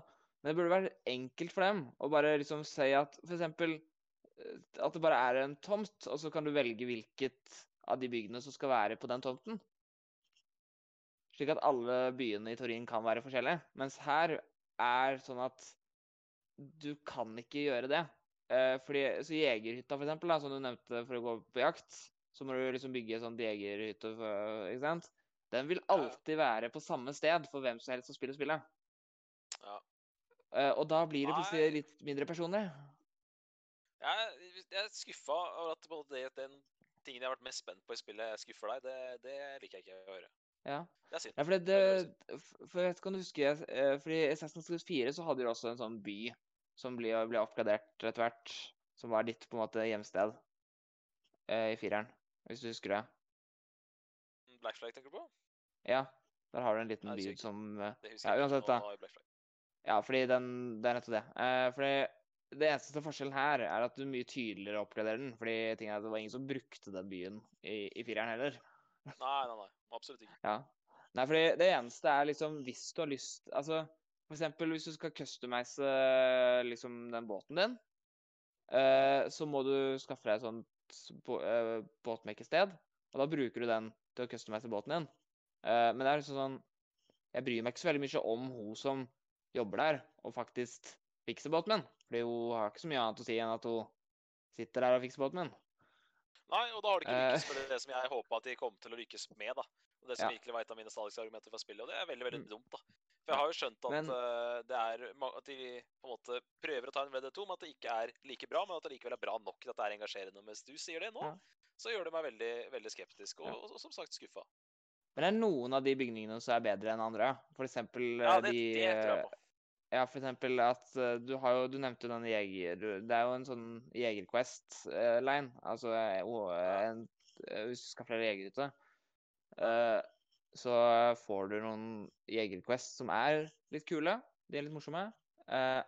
Og det er også en sånn ting generelt med Sidequest i det spillet her. Mesteparten er utrolig morsomme. Ja, Nettopp. veldig Og det, gjennomførte. Det er jo en ting som har vært også en svakhet i Origins Odyssey. Side-questen har blitt for repeterende. Eh, Ja. og så det, Du er enig med flertallet i at de har virkelig blitt engasjerende nå?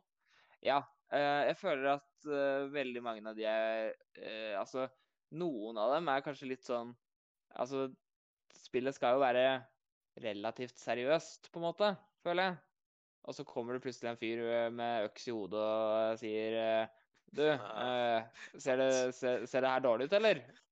ja, jeg så det. Du kan ikke ha ladd med anmeldelsen sin. Ja, jeg så det. altså. Eh, Det var veldig gøy når jeg møtte på han fyren selv. Ja, jeg det, det, det jeg ikke la merke til, er at han bare heter Axed. Fantastisk. Klasse, klasse. Nei, men eh, det, det, det gjør meg veldig gira da, å høre at du liker veldig godt og sånn. Og Ja. hvordan, hvordan, er, hvordan er det med random encounters i spillet? Er det sånn, er, føler man at det er ganske random, eller, eller er det sånn merk, markert på kartet, liksom, så du bare går fra eh, spørsmålstegn til spørsmålstegn? Altså, de er jo spredd ut overalt, og det er sånn Det er litt sånn Det er noen Fordi tingen er at du har For hver sone, som er liksom hver uh, kongerike, holdt jeg på å si, så har du uh, x antall uh, sånne secrets uh, og side missions og uh, artifacts du kan finne. Eh, så det er sånn du vet liksom hvor mange det er i hver sone, og så vil også de fleste av de store da vil være på kartet. Mens du også har noen små som ikke er på kartet, da.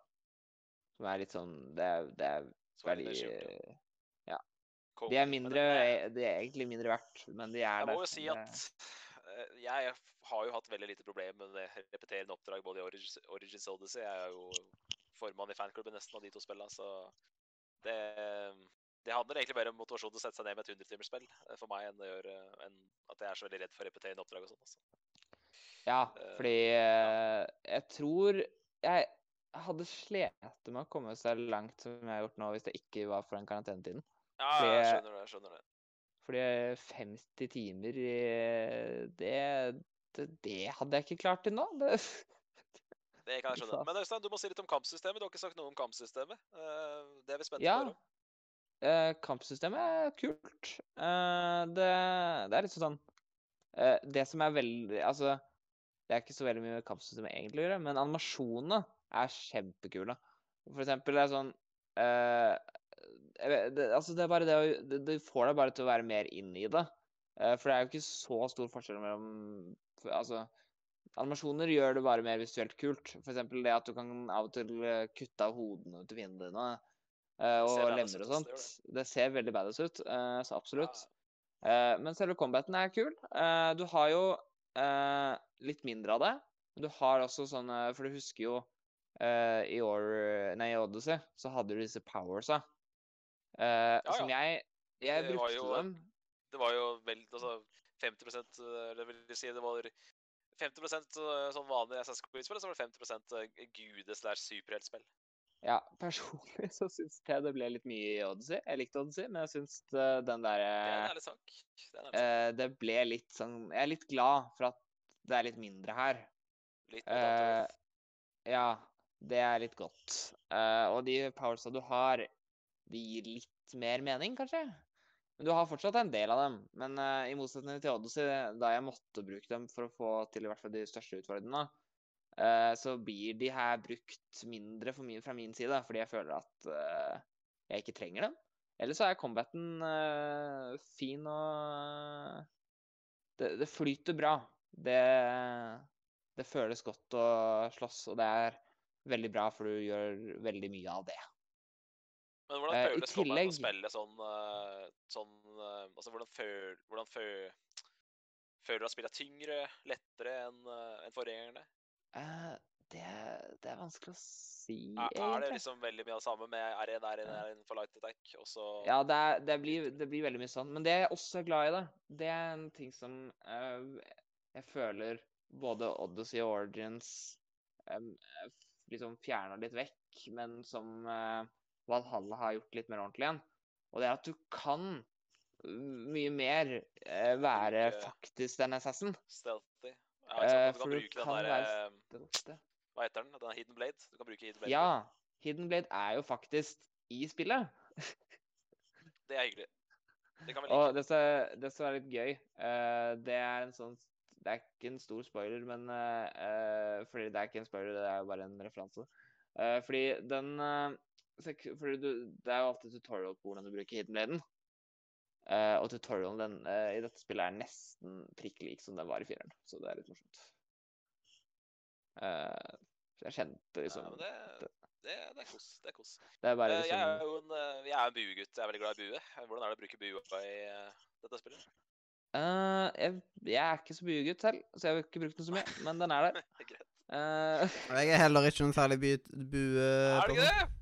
Du har ikke spilt Horizon Zero Dawn heller, da? Det er, Ja. det, det, det, Det, er altså. der er det faktisk sant. Uh, Men det er sykt mange buer i WoW fremover, liksom. Og jeg har spilt det, ja? med de fleste buer som er der. Såpass, ja. Nice, nice. Jeg Mm. bruker Nei, jeg, jeg er buegutt i aller, aller høyeste grad. Jeg elsker jo Merida med den uh, Altså, ja.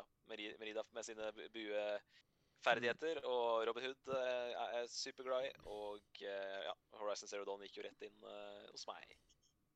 Nei, buer er fortell litt- om bua. Du har ikke brukt det så mye, med andre ord. Nei, nei den, eh, den også har Fordi det er litt kult, fordi eh, akkurat sånn som Odyssey, så har jo den også sånn egne powers. Eh, så den også har litt special powers. De brukte De, de brukte jeg faktisk aldri. Jeg likte bua bedre i Origins enn i Odyssey. For i Origins hadde du den der light-bua som du bare kunne Litt sånn som maskinpistol. Ja. Maskinpistol med bue. Du kan bare knuse på bue med piler. Det var deilig. Ja, for det, det har de litt her også. At de har eh, Ah, forskjellige De har eh, tre forskjellige typer buer. Ah, Eh, deilig, en av dem- deilig. En av dem liker. Å, det var så forvirrende. Fordi jeg forventa det ikke.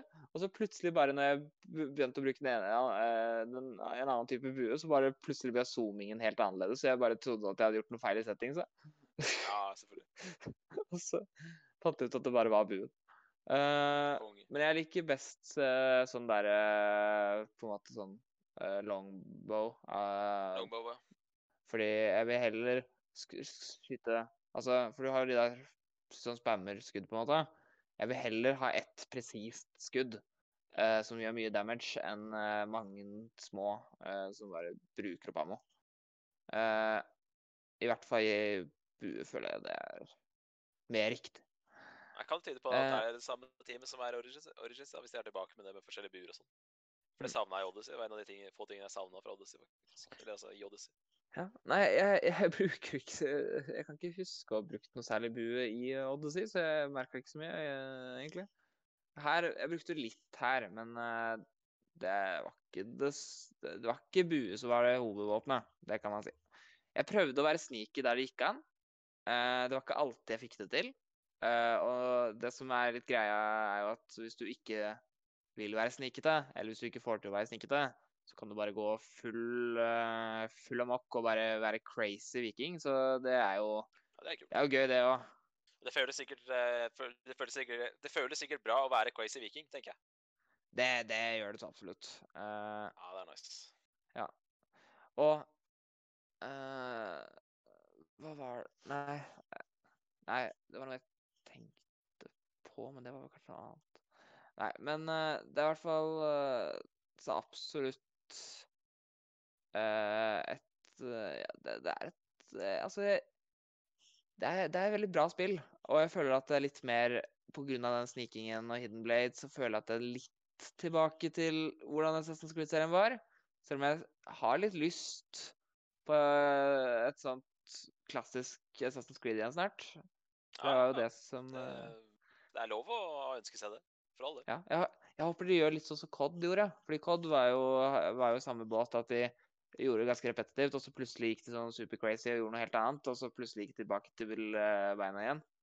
Ja, sant? Eh, så jeg håper liksom at nå som de har hatt litt sånn crazy RPG, at de kanskje i hvert fall tar eh, det, det som hadde vært gøy.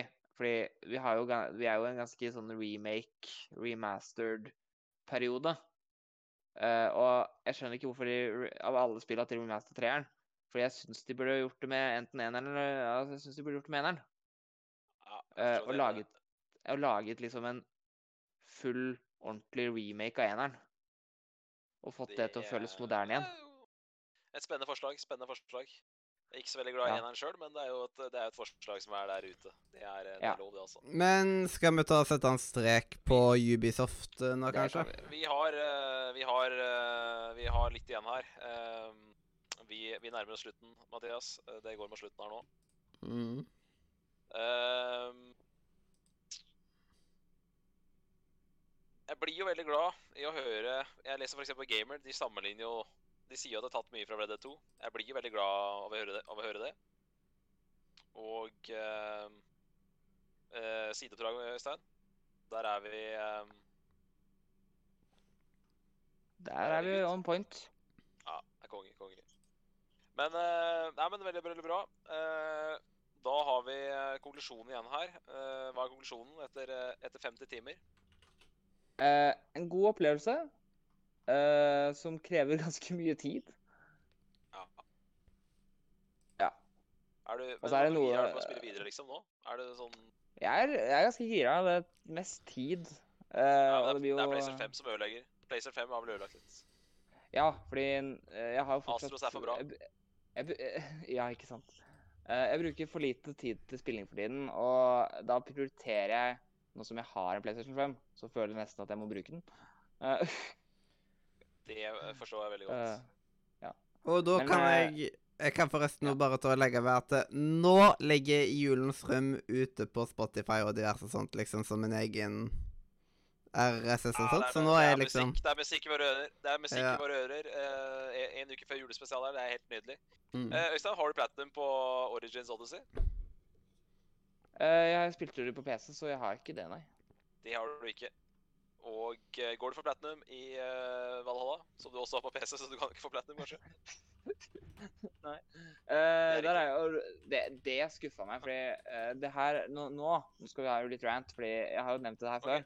Det her er det Ja, første konge. Assassin's Creed-spillet som ikke er på Steam. Og av en eller annen merkelig grunn så har de Altså, jeg har ikke funnet det, i hvert fall. For det er jo ikke achievements engang!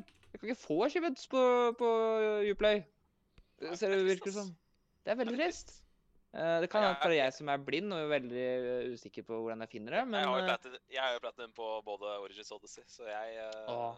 jeg går Jeg for vurderte platinum faktisk å jeg jeg, jeg, jeg vurderte å kjøpe de spillene på nytt. Men så kom jeg på liksom hvor mange timer jeg brukte. Ja, det er ikke verdt det. 100 Det er ikke verdt, altså. Nei. Nei, fordi jeg, jeg har jo Fordi jeg har jo fått Hvor mange platinum er det? Fordi jeg begynte jo 1.1. I, i år med å samle på platinumer. Eh, og jeg har gjort det ganske bra i år. Eh, og jeg tror jeg har en plan eh, om å få tak i i hvert fall to til i løpet av løpet av året. Jeg kan nesten se om jeg finner Det, Jeg jeg, har jeg, fikk jo, 21. jeg fikk jo platinum denne uka, og da tenkte jeg sånn Ja, hyggelig med et platinum i 2020 også. Og så kom jeg på at du har jo en 15 stykker i 2020, så det var Jeg liksom har mye å 21. Ja, det er 21 stykker. Flott, det. OK, Mathias. Vi avslutter eh, Mm. Valhall-praten med å ta en liten eh, hype-runde på hvor hypa du og jeg er på dette spillet. Mm. Mm. Du har jo kjøpt det. Du kan starte. Ja, men det er alltid her med å Det er tungt å sette seg ned med digre spill. Det er det. Samtidig som at eh, Ja. nå er det så kort tid til at jeg skal reise hjem til jul og sånt. Så jeg får neppe spilt det før jul, så da blir det tidlig i januar på meg med Valhalla. Ehm, og hypen på skala fra 1 til 10. Um, er, er 7? Ja, 7 av 10. Konge, det. Mm. Eh, nei, for du spurte meg om jeg skulle starte på det, og da ble jeg litt sånn der jeg gidder ikke å spille et spill i fem timer. For det, det er ikke noe vits å spille et spill som er 100 timer langt i fem timer, for det, det sier ingenting å spille. Det er så vidt du kommer deg til England, ikke sant? Mm. Uh, jeg, jeg tror jeg, jeg ville vært imponert hvis du hadde kommet til England på fem timer, faktisk. det, er, fordi- det er folk som har spilt i fem timer uten å komme Ja. til England. eh, Øystein. Jeg kjenner folk, jeg har pratet med folk som har gjort det. Nei, men uh, for meg, da, så har Valhall vært eh, For å være helt ærlig, så jeg digger settingen. Og jeg burde jo vært eh, vært veldig hypa på det spillet her, men jeg har vært ærlig på det fra dag én at jeg har spilt for mye Origins. Jeg har spilt for mye Odyssey. Hadde jeg hoppa over Odyssey, så hadde jeg vært på en ti av ti på Valhalla. Men siden jeg spilte dritten ut Odyssey, så er det bare en fire av ti. Eh, jeg er mer gira på Gods and Monsters, eksempel, som er ute akkurat nå. Så fire av ti fra meg, men det er et enten- det er et enten-eller-spill. Enten så kjøper jeg det ikke. Hvis jeg først kjøper det, da skal jeg ha da skal jeg full pakke. Da skal jeg ha season pass og alt mulig, og spille begge deler scene og alt mulig. For uh, Assassin's Creed-spill har blitt sånn skikkelig kosespill for meg som jeg liker å ha på si.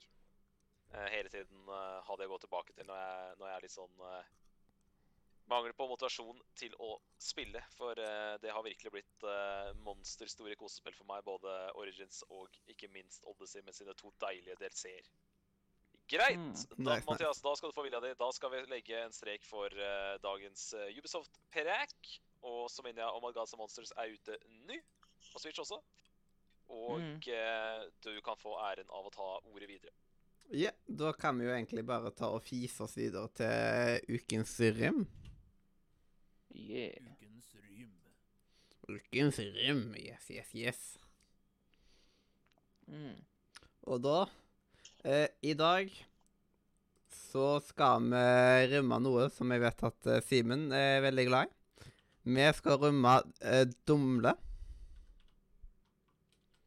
Man måtte jo ha Simen med på rømming av Dumle. Jeg tror at han hadde gått i streik hvis vi hadde rømma det uten han til stede. Eller hva, Simen? Nei, nei, altså Jeg så jo at du hadde planlagt eh, en rym av Dumle i dag, og da skjønte jeg jo Det var ikke så vanskelig for meg å bestemme meg for karakter, for å si det sånn. Mm. Da kan jo kanskje du starte. Kan jeg godt gjøre. Du, det er ingen hemmelighet at jeg er, eh, at jeg er en eh, karamellgutt. At jeg er en uh, Dumle-fanboy nummer én. Og uh, jeg er veldig glad i den karamellen som ligger innerst i uh, trøffelen, for å si det sånn. Jeg er veldig glad i det ytterste laget med sjokolade. Og uh, jeg er bare generelt veldig veldig glad i den, den røde papiret som man da trer til siden for å dytte disse små sjokoladekaramellene inn i munnen. Og det er nydelig å sutte og sutte og sutte på karamell, for du føler jo at de varer veldig, veldig lenge. Og eh, jeg har faktisk eh, as we speak en tre-fire poser av dumle liggende i mitt, eh, min leilighet. Og kjøpte inn litt for å kose meg med i adventstiden. Og gadd ikke å gå og kjøpe dumlekalender i år, for jeg vil heller spise så mange jeg vil hver dag. Gidder ikke å, gidder ikke å ha en om dagen på dumle, for det er for godt. Og det er vel ingen bombe at min karakter er ti av ti.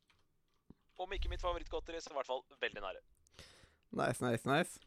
Ehm, dumle, det er jo ganske godt, det. Jeg har ikke spist så mye av det de siste årene. Når jeg var yngre, så spiste jeg en del mer av det. Så det, det, det er ganske Det er ganske godt. Men uh, til, til vanlig så er ikke det en veldig viktig sjokolade for meg, fordi jeg rett og slett ikke tør å kjøpe eller spise så ofte. Uh, men jeg eh, synes at det er ganske så godt, så jeg legger meg rett og slett på en sterk eh, åtte av ti.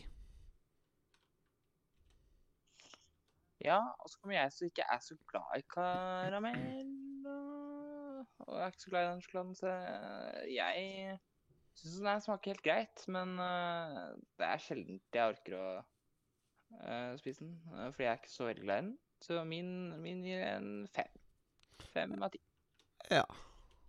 Det er liksom det, Jeg gikk bare nedover. vet du. Starta på toppen, så var det bare eh, dårligere og dårligere karakter. Mm. Men uh, da ble rett og slett scoren 7,66 av 10 til Dumle. og den føyer seg inn i rekka, og den kom seg over spillåret 2001. Og så kom det seg eh, godt over kinopopkorn. Og eh, veldig godt over det å være i karantene. Av en eller annen merkelig grunn. Mm. Og så rett over YouTube. Ja. Mm. Retten og sletten.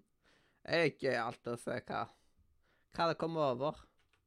Oi, det, det kom Det kom faktisk over sommer, så 7,66 er ikke så gale score. Nei. De, eh, det er liksom eh, Dumlen skal være fornøyd med det. Mm. Dumle sponsor, please, nå.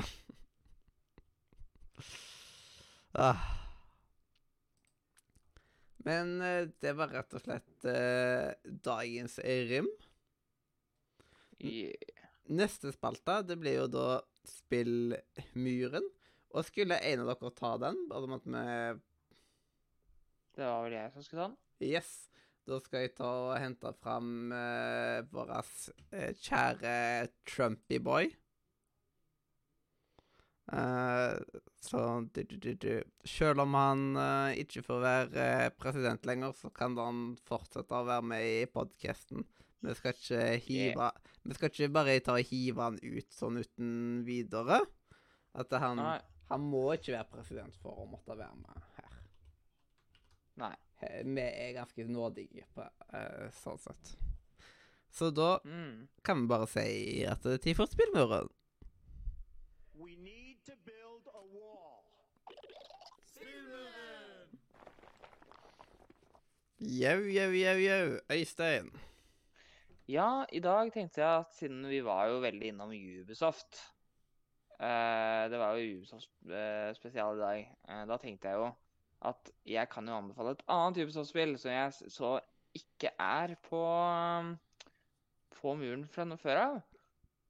Eh, og det er jo ett spill som har blitt nevnt tidligere i podcasten, som eh, var litt morsomt. Eh, fordi eh, det er jo et annet spill fra Ubisoft som er satt i London. Uh, og det er jo Assassin's Creed Syndicate, som er et uh, Altså Så er vel Det er vel det siste uh, Assassin's Creed-spillet i den gamle Gamle, gamle, gode serien. Eller gamle stilen. Som nå eh, Eller nå er det for sent, da, siden salget er vel over. Men eh, som pga. at det er litt gammelt, så er det ganske lett å få for en ganske billig penger på Steam, for eksempel. Eh, som er et utrolig kult spill. uh, som, uh, som, ja, jeg rett og slett skal anbefale i dag. Ja. um, kan du gjenta spillet? Assassin's Creed Syndicate. Mm. Eh, og så gjerne skriv det i den der, den der uh, radiochatten, heter det. Uh, så, så plotter jeg det inn etter sending. Nei, jeg, jeg støtter den, uh, den anbefalinga der 100 Eh, Jeg syns Syndicate Mm. er et veldig bra Assassin's Creed-spill og et undervurdert spill generelt. Det er jeg veldig enig i. Ja. Ehm, hvor mange Assassin's Creed-spill har vi på muren nå? Uh, Eh, en del. Ja. Og Odyssey. Black Flag og 2. To, tre Odyssey Valhalla. Jeg ble veldig overraska, for hvem er det som anbefalte Valhalla, egentlig? Det var, det var Are. Eh, han var gjest Ja, han stemmer. Han hadde spilt dritten ut av det. Han, spilte, han spilte veldig mye, han òg. Han var gjest Ja. for Ja, det var Ja. forrige uke, det, var det ikke det? Ja. Ah, han, var, han, gjorde en veldig god, han var, gjorde en veldig god figur og likte Red Dead 2, og da ble jeg veldig glad. Ja, Jeg regner med at det hadde blitt anbefalt til Spillmuren om, uh, i dag om ikke han hadde. Eh, jeg tror jeg hadde Men er det tid til at i jeg tar en liten uh, Jeg tar en sånn uh, spillmur òg, Mathias? Ja, gjerne det. Fordi at uh, det er jo tross alt min siste ordinære sending uh, i dag. Altså, vi har bare julespesial igjen, og da skal vi ikke ha noe uh, spillmur. uh, og i tillegg så har jo jeg vært, uh, hovedsakelig vært spesialens mann i 2020, så jeg har ikke fått uh, anbefalt så veldig mange spill i spillmuren. Så hvis jeg får lov til å avslutte 2020 med, med et par titler, så hadde det vært veldig koselig. Og det er jo snart juletid nå, og vi går til juleferien. Og da tenker jeg det passer bra å kunne ta fram uh, mobil stæsj nettbrett og spille et par, uh, spille et par uh, mobilspill. Og eh, det er veldig veldig sjelden at jeg blir forelska i mobilspill. Eh, Men når det først skjer, så er det veldig veldig koselig. Og jeg tar rett og slett eh, Ja, nå, nå tar jeg sikkert noe som jeg har lagt til i muren før, Jeg har en følelse av. Men jeg håper i hvert fall det ene jeg ikke har lagt til. Eh, Men eh, er dere der? Ja, vi er her. Mhm. Så jeg ikke sitter, så jeg ikke sitter og prater rett ut i lufta? Nei, men eh, det kom et spill eh, Var det i 2014 så kom det et spill eh, som et mobilspill som hadde perfekt gameplay i forhold til mobil, og er basert på en av mine favorittserier, nemlig Hitman-serien. Og det spillet hit, heter Hitman Go. Og det er kanskje allerede i spillmuren, eller? Uh, Hitman Det Go eh, hit, Tror jeg ikke. Hitman Nei, det er tre Hitman-spill, men det er bare Ah, Hitman, konge, Hitman Konge. 2016 Nei, jeg har hatt, hatt det på lista lenge at jeg skulle legge det til. Men uh, da har vi da, Det er rett og slett et, uh, et sånt eh, brettspill der du bare du ser ovenfra, og så for hvert trekk du gjør, så gjør motstanderen trekk. Altså AI-en gjør trekk, trekk, da. Så må du snike deg Det- inn på samme måte som Hitman, bare at det er liksom et, uh, som et brettspill, da, som Ludo, liksom. Ja, Eh, det er tilgjengelig det både er- på eh, PC og PlayStation. PlayStation og alt mulig. alt mulig. Men eh, jeg vil anbefale å spille på nettbrett stæsj mobil. Det funker nydelig. Gameplay er helt perfekt for mobil. Eller altså skjermer med touch. Et nydelig Mm. spill. Forelska meg helt i det en jul for kanskje tre år siden. Og i samme slengen så legger jeg ut da I og med at jeg nettopp har runda Rise of the Tomb Raider, så legger jeg ut uh, uh, uh, oppfølgeren, eller så et annet spill fra den samme utvikleren, som er premiss basically akkurat det samme, bare med en annen lisens. Så Hitman Go med i spillmuren og Lara Croft Go med i spillmuren. To er sterke mobilanbefalinger og to sterke juleanbefalinger. Passer perfekt å sette seg ned med det og kose seg med i juleferien. Er Og de koster vel, koster vel sikkert sånn 20 kroner stykket også. Det er, eh, det er helt nydelig spill. Ja, Så hvis ikke de eh, er eh, i muren fra før av, så er det konge å få de med der. For det har jeg hatt på lista lengre tid at det skal jeg legge til. Og det er, det er eh, det, så det er eh, Jeg tror det er topp tre jeg, jeg lurer på om egentlig det er mine favorittmobilspill. Eh, Jeg tror ikke jeg har spilt Ja. noe jeg liker bedre. Mm. Eh, Lara Croft Go har jeg spilt, ja, eh, og Hitman Go var planer om å spille, så det Så det skal, da legger vi det inn i da, vi det, da skal vi notere oss det, Mathias. Vi skal få det inn skriftlig. Vi, vi Ja. vet hvordan reglene er. Mm. Da har vi, da har vi da ett et Assassin's Creed-spill og to deilige nettbrettspill. Yeah. Jeg mm. vurderte om jeg skulle ta Astro Playroom, men eh, det var, var litt vanskelig å få tak i. Litt grann lite tilgjengelig, kanskje? Det var litt lite tilgjengelig. Men det, Men det er altså, ikke alle spill på spillmuren som er like tilgjengelig, da. Men det er greit når det er litt lett tilgjengelig spill. ja. Og så tenkte jeg også at Det er litt at dårlig eh, gjort. At han ene tullingen i Radio Nord Media som har fått Blazer 5, tar og velger det ene spillet som du må ha Blazer 5 for å spille. Ja. Ja. Jeg syns det hadde vært litt grann dårlig gjort, for å si det sånn. Mm. Men altså, altså, altså det er ja, jeg syns jeg altså. hadde hørt eh, Lara Croft Go har jeg på Steam. Ja, det er kongen, det, da. Mm. Nei, altså, jeg, jeg, vurderte å ta uh, Astro Playroom fordi det hadde vært veldig morsomt. Uh, men det var det at for, for det første så er jo det Det er en verdig anbefaling. Så absolutt. Men det var bare det at for det første alle som har tilgjengelighet til det, har mest trolig spilt det. Uh, og for det andre så er det sånn uh, Det er litt vanskelig å få tak i nå. da. Det- -hmm. Det som er litt, uh, det som er litt gøy med Astrid Playroom, det minner meg så sykt om Nintendo. Ja, det er veldig Nintendo. Det har jeg hørt fra veldig mange nå.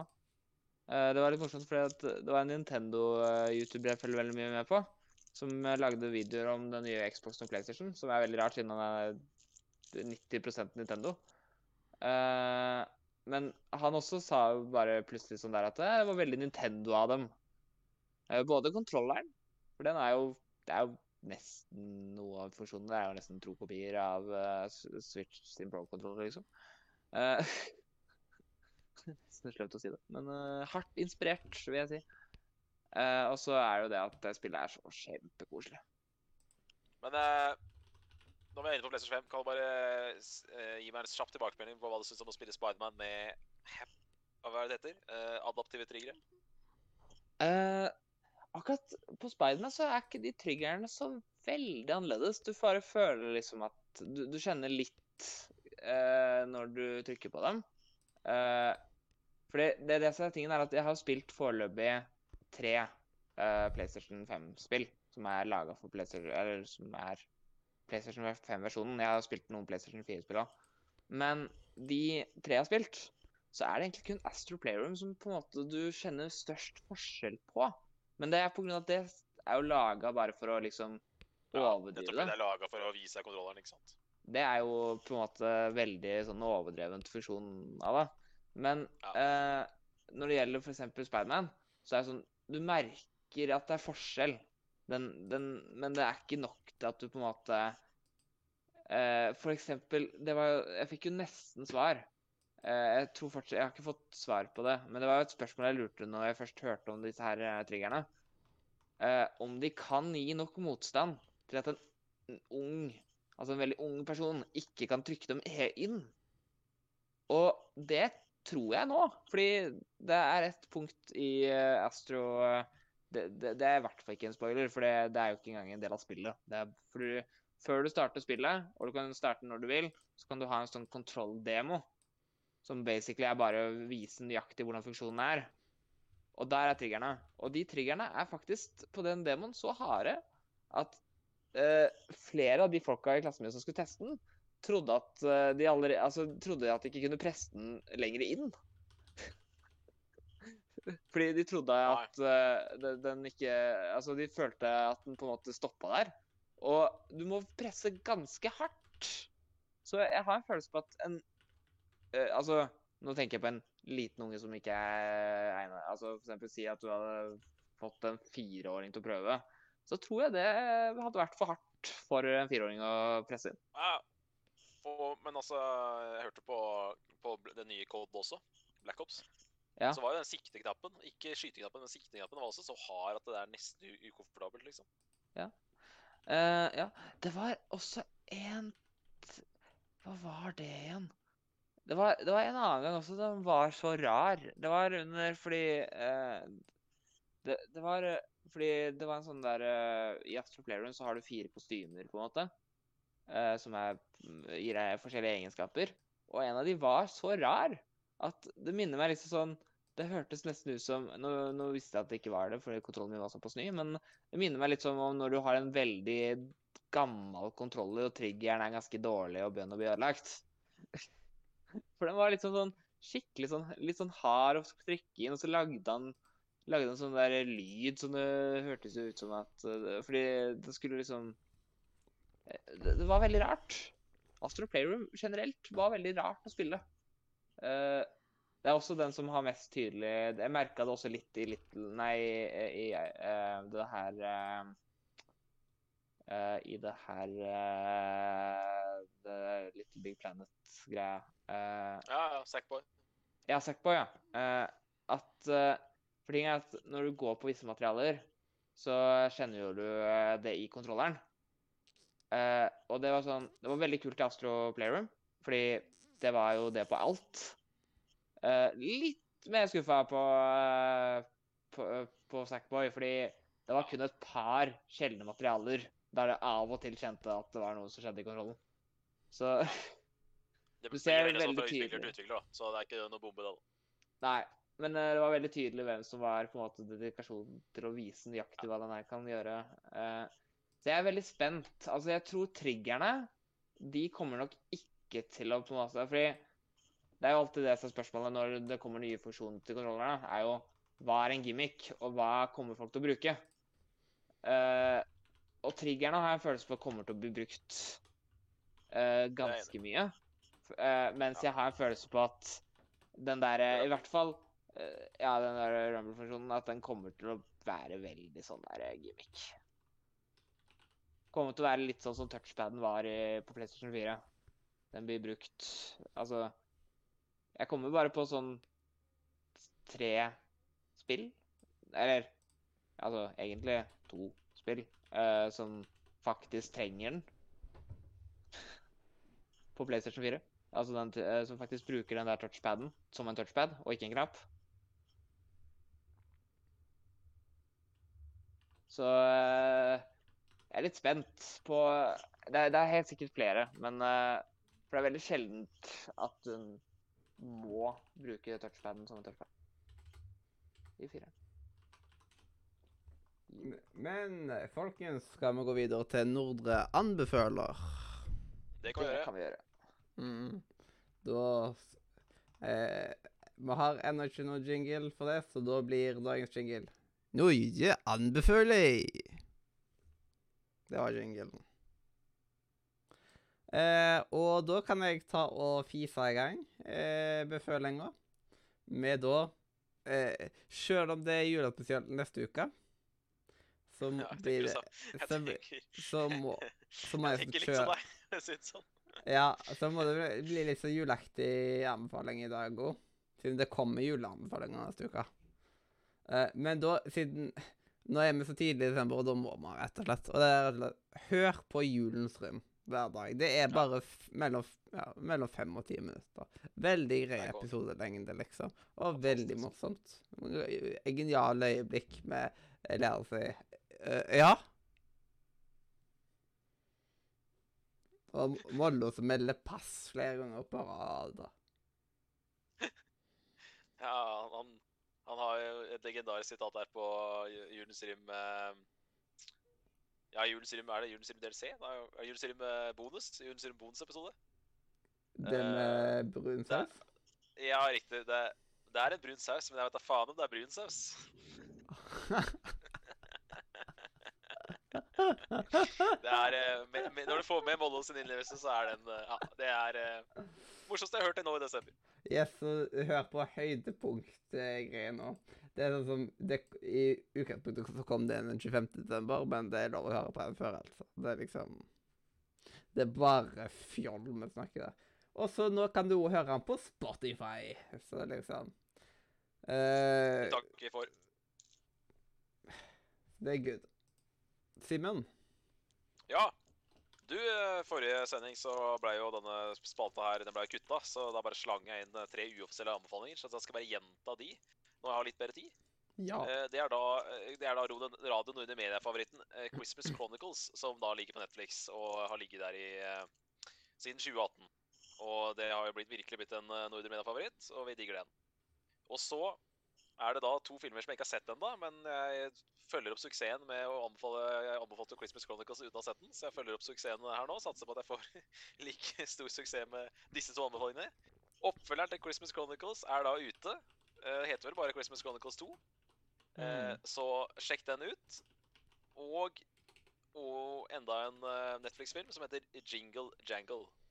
Jingle, jangle. ikke Jingle Jingle, men Jingle Jangle. Så da har vi altså tre eksklusive net Netflix-filmer. En som vi veit at vi digger, og to nykommere som begge er nye for julen 2020. Så Netflix, eh, chill out og kos dere med Netflix eh, julefilmtitting i, eller i desember.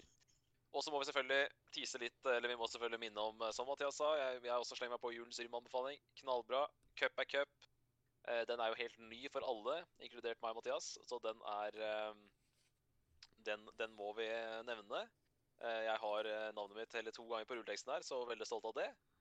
Og så har jeg faktisk tatt en titt på en annen julekalender på YouTube som eh, er litt som oss. Han er i Han er en fellow nerd. Han er glad i eh, film og spill.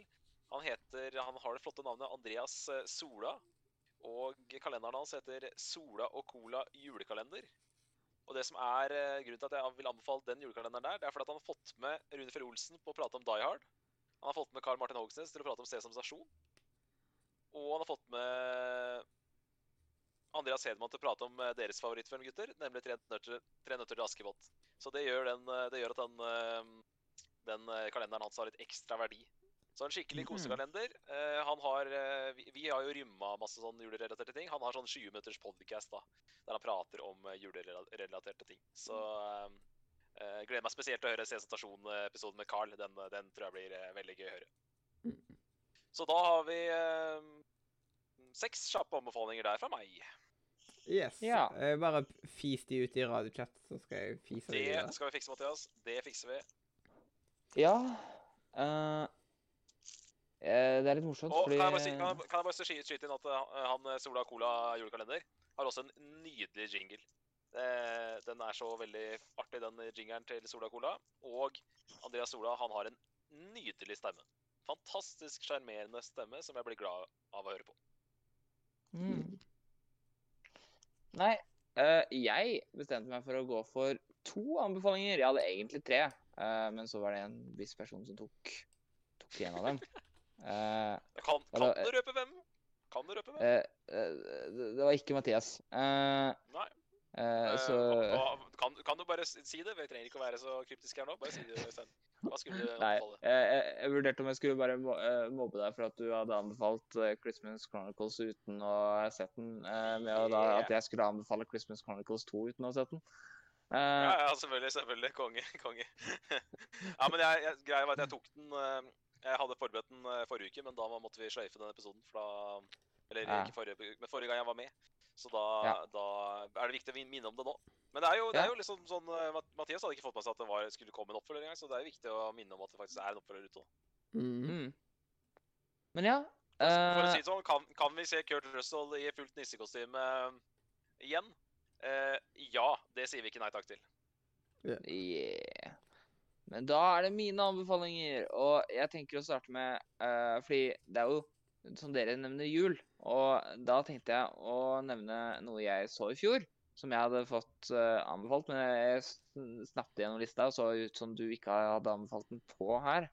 Mest fordi du sikkert ikke passa fordi det var en julekalender. Men eh, Snøfall. Eh, jeg så Snøfall for første gang i fjor.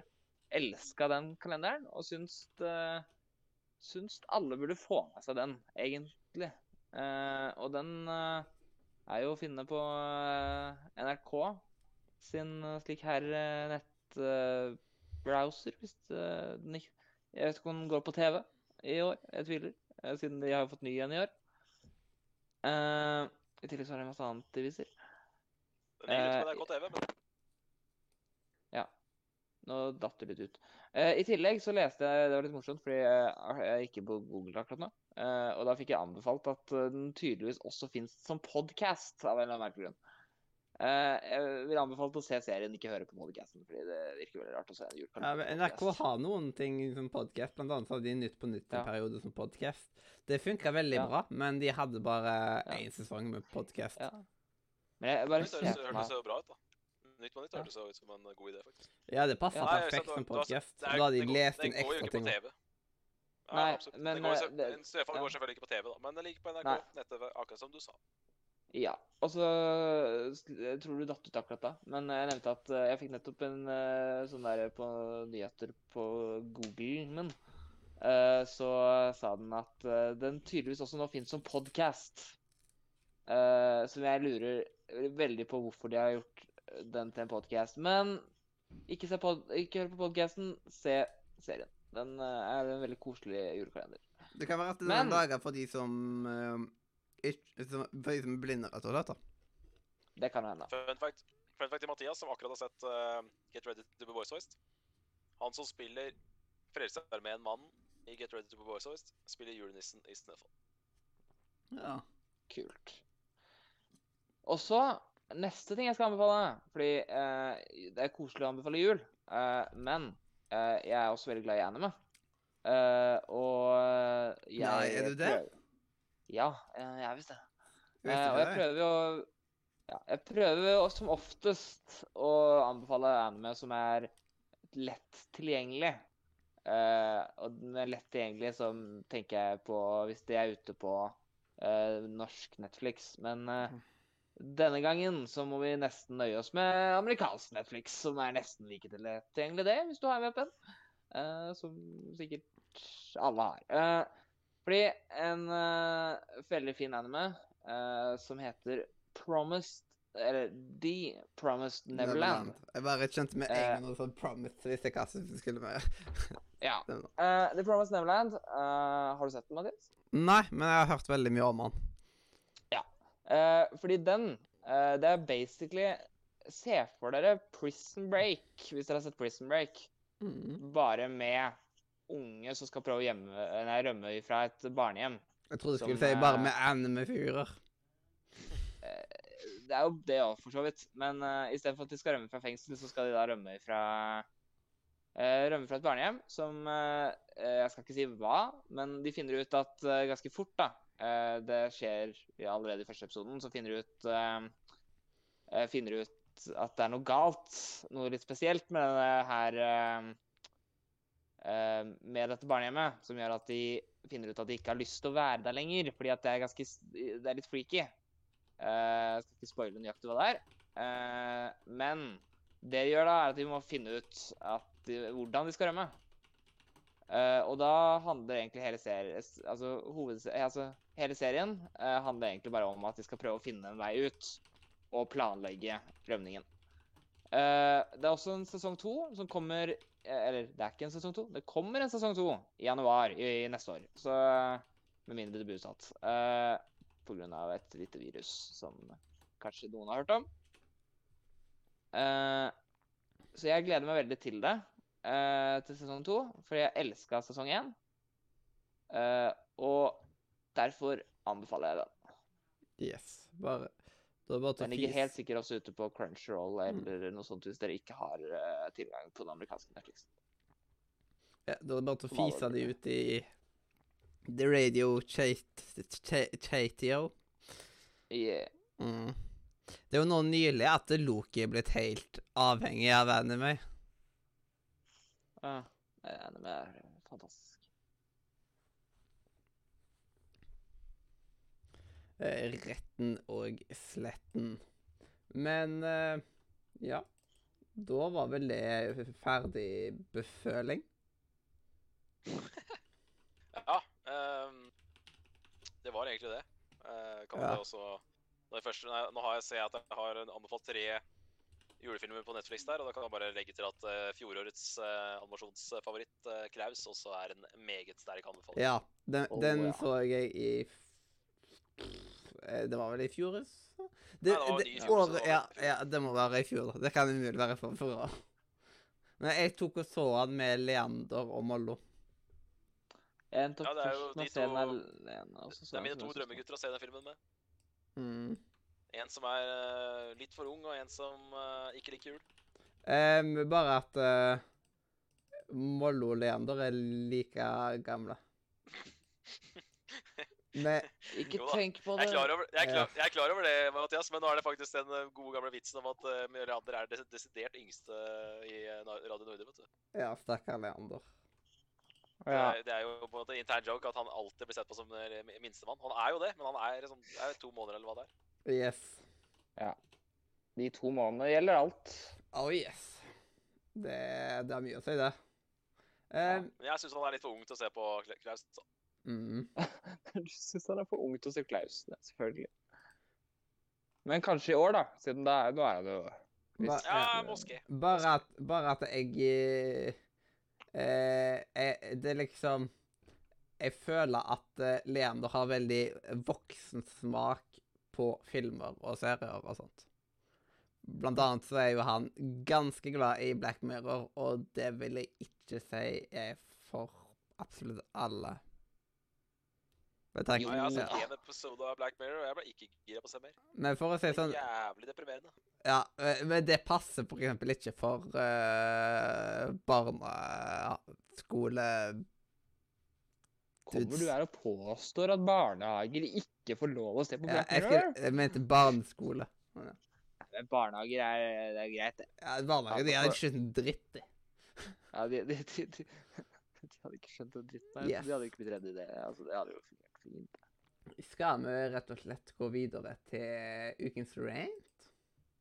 OK. Vi kan gjøre det. Du er jo uh, i uh, ranthumør om dagen, du, så vi eh, overlater eh, ordet til deg der. Eh, veldig spennende rant forrige uke, Mathias. Der hadde du mye på hjertet. Yes. Eh, og eh, jeg syns det er en Det er viktig at noen står opp og sier meninga si om akkurat det temaet der. For det er et eh, veldig interessant tema. Mhm. Og er det, er det lov? Altså Burde det være lov å bare tjene Ta 5-6 000 og bare putte det rett i egen lomme uten å skatte Ja. for det? Jeg syns det er en meget interessant eh, diskusjon. Og det er en god måte liksom for å avrunde den PlayStation 5-snakken vi hadde sist gang. Det var det absolutt. Og det er jo litt sånn som eh, Jon Cato sine troll. Jeg er ikke enig med alt du sier, men eh, det er eh, viktig å få Jeg skulle gjerne sett en litt sånn Jeg skulle gjerne sett myndighetene komme på banen og liksom få en større debatt rundt det, da. Ja. For uh, det er uh, Ja. Det er, det er ikke ulovlig, men, det er, men så er spørsmålet burde det være lovlig. Det er det, er det som er spørsmålet her. Ja. Og Sånn da tips, jeg tenker sånn, sånn typisk sånn smutter på loven, da. mm. Og da kan jo dere bare ta og lene dere godt tilbake og høre på meg rente i vei. Og Det skal jeg gjøre. dagens, eh, dagens rent har jeg valgt å kalle for 'irritasjon på bussen'. Og den går som følger. Jeg er, som dere kanskje vet, en student. Og mitt eneste fremkomstmiddel i Kristiansand er AKT, som er bussen på Sørlandet. Med så mange bussruter som jeg ender opp med å ta i måneden, så blir det en det er bussturer, ja. Eh, så, så blir det en god del irritasjon å møte på. La meg fortelle det som en historie. Jeg står klar på busstoppet og venter på en buss jeg ikke har tatt før. Eh, fordi jeg skal hente noe jeg har kjøpt på Finn.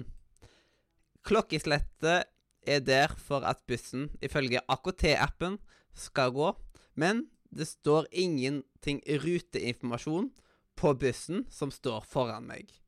Eneste jeg kan se, er den irriterende teksten 'Boreal', som står på alle busser som ikke er i ruta. Men denne bussen må være i ruta, for det er mange passasjerer på den. Og om vi ikke var midt i en pandemi, så kunne jeg spurt sjåføren om hvor han kjører, men i dag peker han bare mot inngangen bak. Jeg har ikke annet valg enn å gamble på at jeg setter meg på riktig buss. Jeg setter meg ned på et ledig sete og oppdager at skjermen fremme i bussen, som skal informere om hvilken busstopp vi er på, og eh, hva som er neste, er slått av. Jeg er ikke godt kjent, og må da dra opp telefonen og følge så godt jeg kan med på Google Maps og sammenligne det med tidene til AKT reiseappen. Det er en halvtimes tid før jeg skal være på mitt stoppested, så jeg kan i teorien slappe av i rett over 20 minutter. Jeg har jo tross alt ikke hørt siste episode av Level Backup ennå. Men, eh, eh, men den kan jeg ikke høre noen ting av, fordi de bak meg snakker så uhorvelig høyt, og om jeg eh, vil, så kan jeg få med meg hele deres samtale. Visste eh, du forresten at eh, Georg var utro mot Amanda? Etter mye om og men, så har jeg eh, funnet ut av hvor jeg skal gå av. Men får den ubehagelige overraskelsen om at stopp-knappen ikke fungerer. Jeg prøver eh, jeg, jeg prøver den som står eh, ved setet foran meg. Den fungerer heller ikke. Jeg slenger meg framover i bussen og klikker som en gal før jeg endelig får trykka på stopp-knappen. Endelig er denne bussturen over. Dessverre så må jeg ta den hjem igjen. Oh.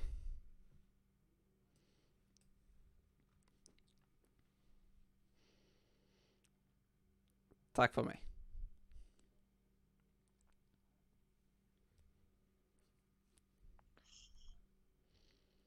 Mm, Ja, jeg kjenner ganske meg igjen. Altså, nå, Det var stort.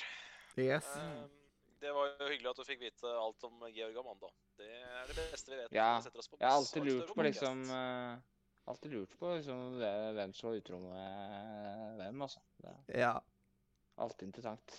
Mm, og så hva og, og så hva han ved siden av meg skal rett og slett ha til middag i morgen. Å, fikk du vite det òg? Ja, det er veldig viktig Det- informasjon. Og så kommer du ikke med den før nå? Ja. Jeg vil- jeg vil vite hva hvem På offentlig kommunikasjon så kan man få greie på mye rart. og Det er jeg er helt enig i. Ja. Ja. Eh, eh, det er liksom Og når det er liksom når man skal trykke, så de knappene ikke fungerer, og du ser at navnet er mer og mer stoppet, så får man sånn inn, eh, liksom, inn, eh, liksom panikk på innsida. Ja, det har jeg opplevd et par ganger selv. At eh, jeg bare forventer at knappen funker, og så bare gjør den ikke det. Og så bare Hæ? Mm, Hva skal jeg gjøre nå? Hvorfor funker den ikke? ja. Det er sånn er det, Og det verste var en gang så funka den ikke. Og så var det sånn at jeg stressa, og så ble bussjåføren sur på at meg På at den eh, på, på at jeg stod, trykte på knappen for sent. Det er så deilig det der å få kjeft for uh, ting du ikke kan noen ting som helst for. ja. Ikke sant? Det er jo mer, Hvis det er én som har feil, gjort noe feil, så er det jo han. Mm. Uh, eller eh, Altså, det er jo ikke mitt ansvar for at bussen skal funke. Det, det, er- det fins jo grenser til Eh, bussjåføren har faktisk eh, ansvar for at ting i bussen skal være brukende, for eksempel, og at eh, ting ikke skal være herpa i bussen og forskjellig sånn. Derfor har de ofte inspeksjoner i buss. Så blant annet faren Ja. min, han er jo sjef i busselskapet i Rogaland. Han tar, of- han tar til tider uh, Snikskryt. ja, han tar ofte kontroller av busser, og så tar han og skriver bøter til de som ikke har uh, opprettholdt det godt nok. Hmm. That's brutal. That's brutal. Mhm. er på det er ikke bussjåføren som må ta Det liksom, men at eh, eh, Om det er det busselskapet som er, har liksom ja, rutene og sånt. Ja. Siden han jobber for Pappa jobber jo for Columbus, og så er det liksom Det andre, for eksempel her i Kristiansand, så er det jo Boreal sine busser, på en måte, og Det er så uh, avansert system, det med buss. Fyttegrisen. ja.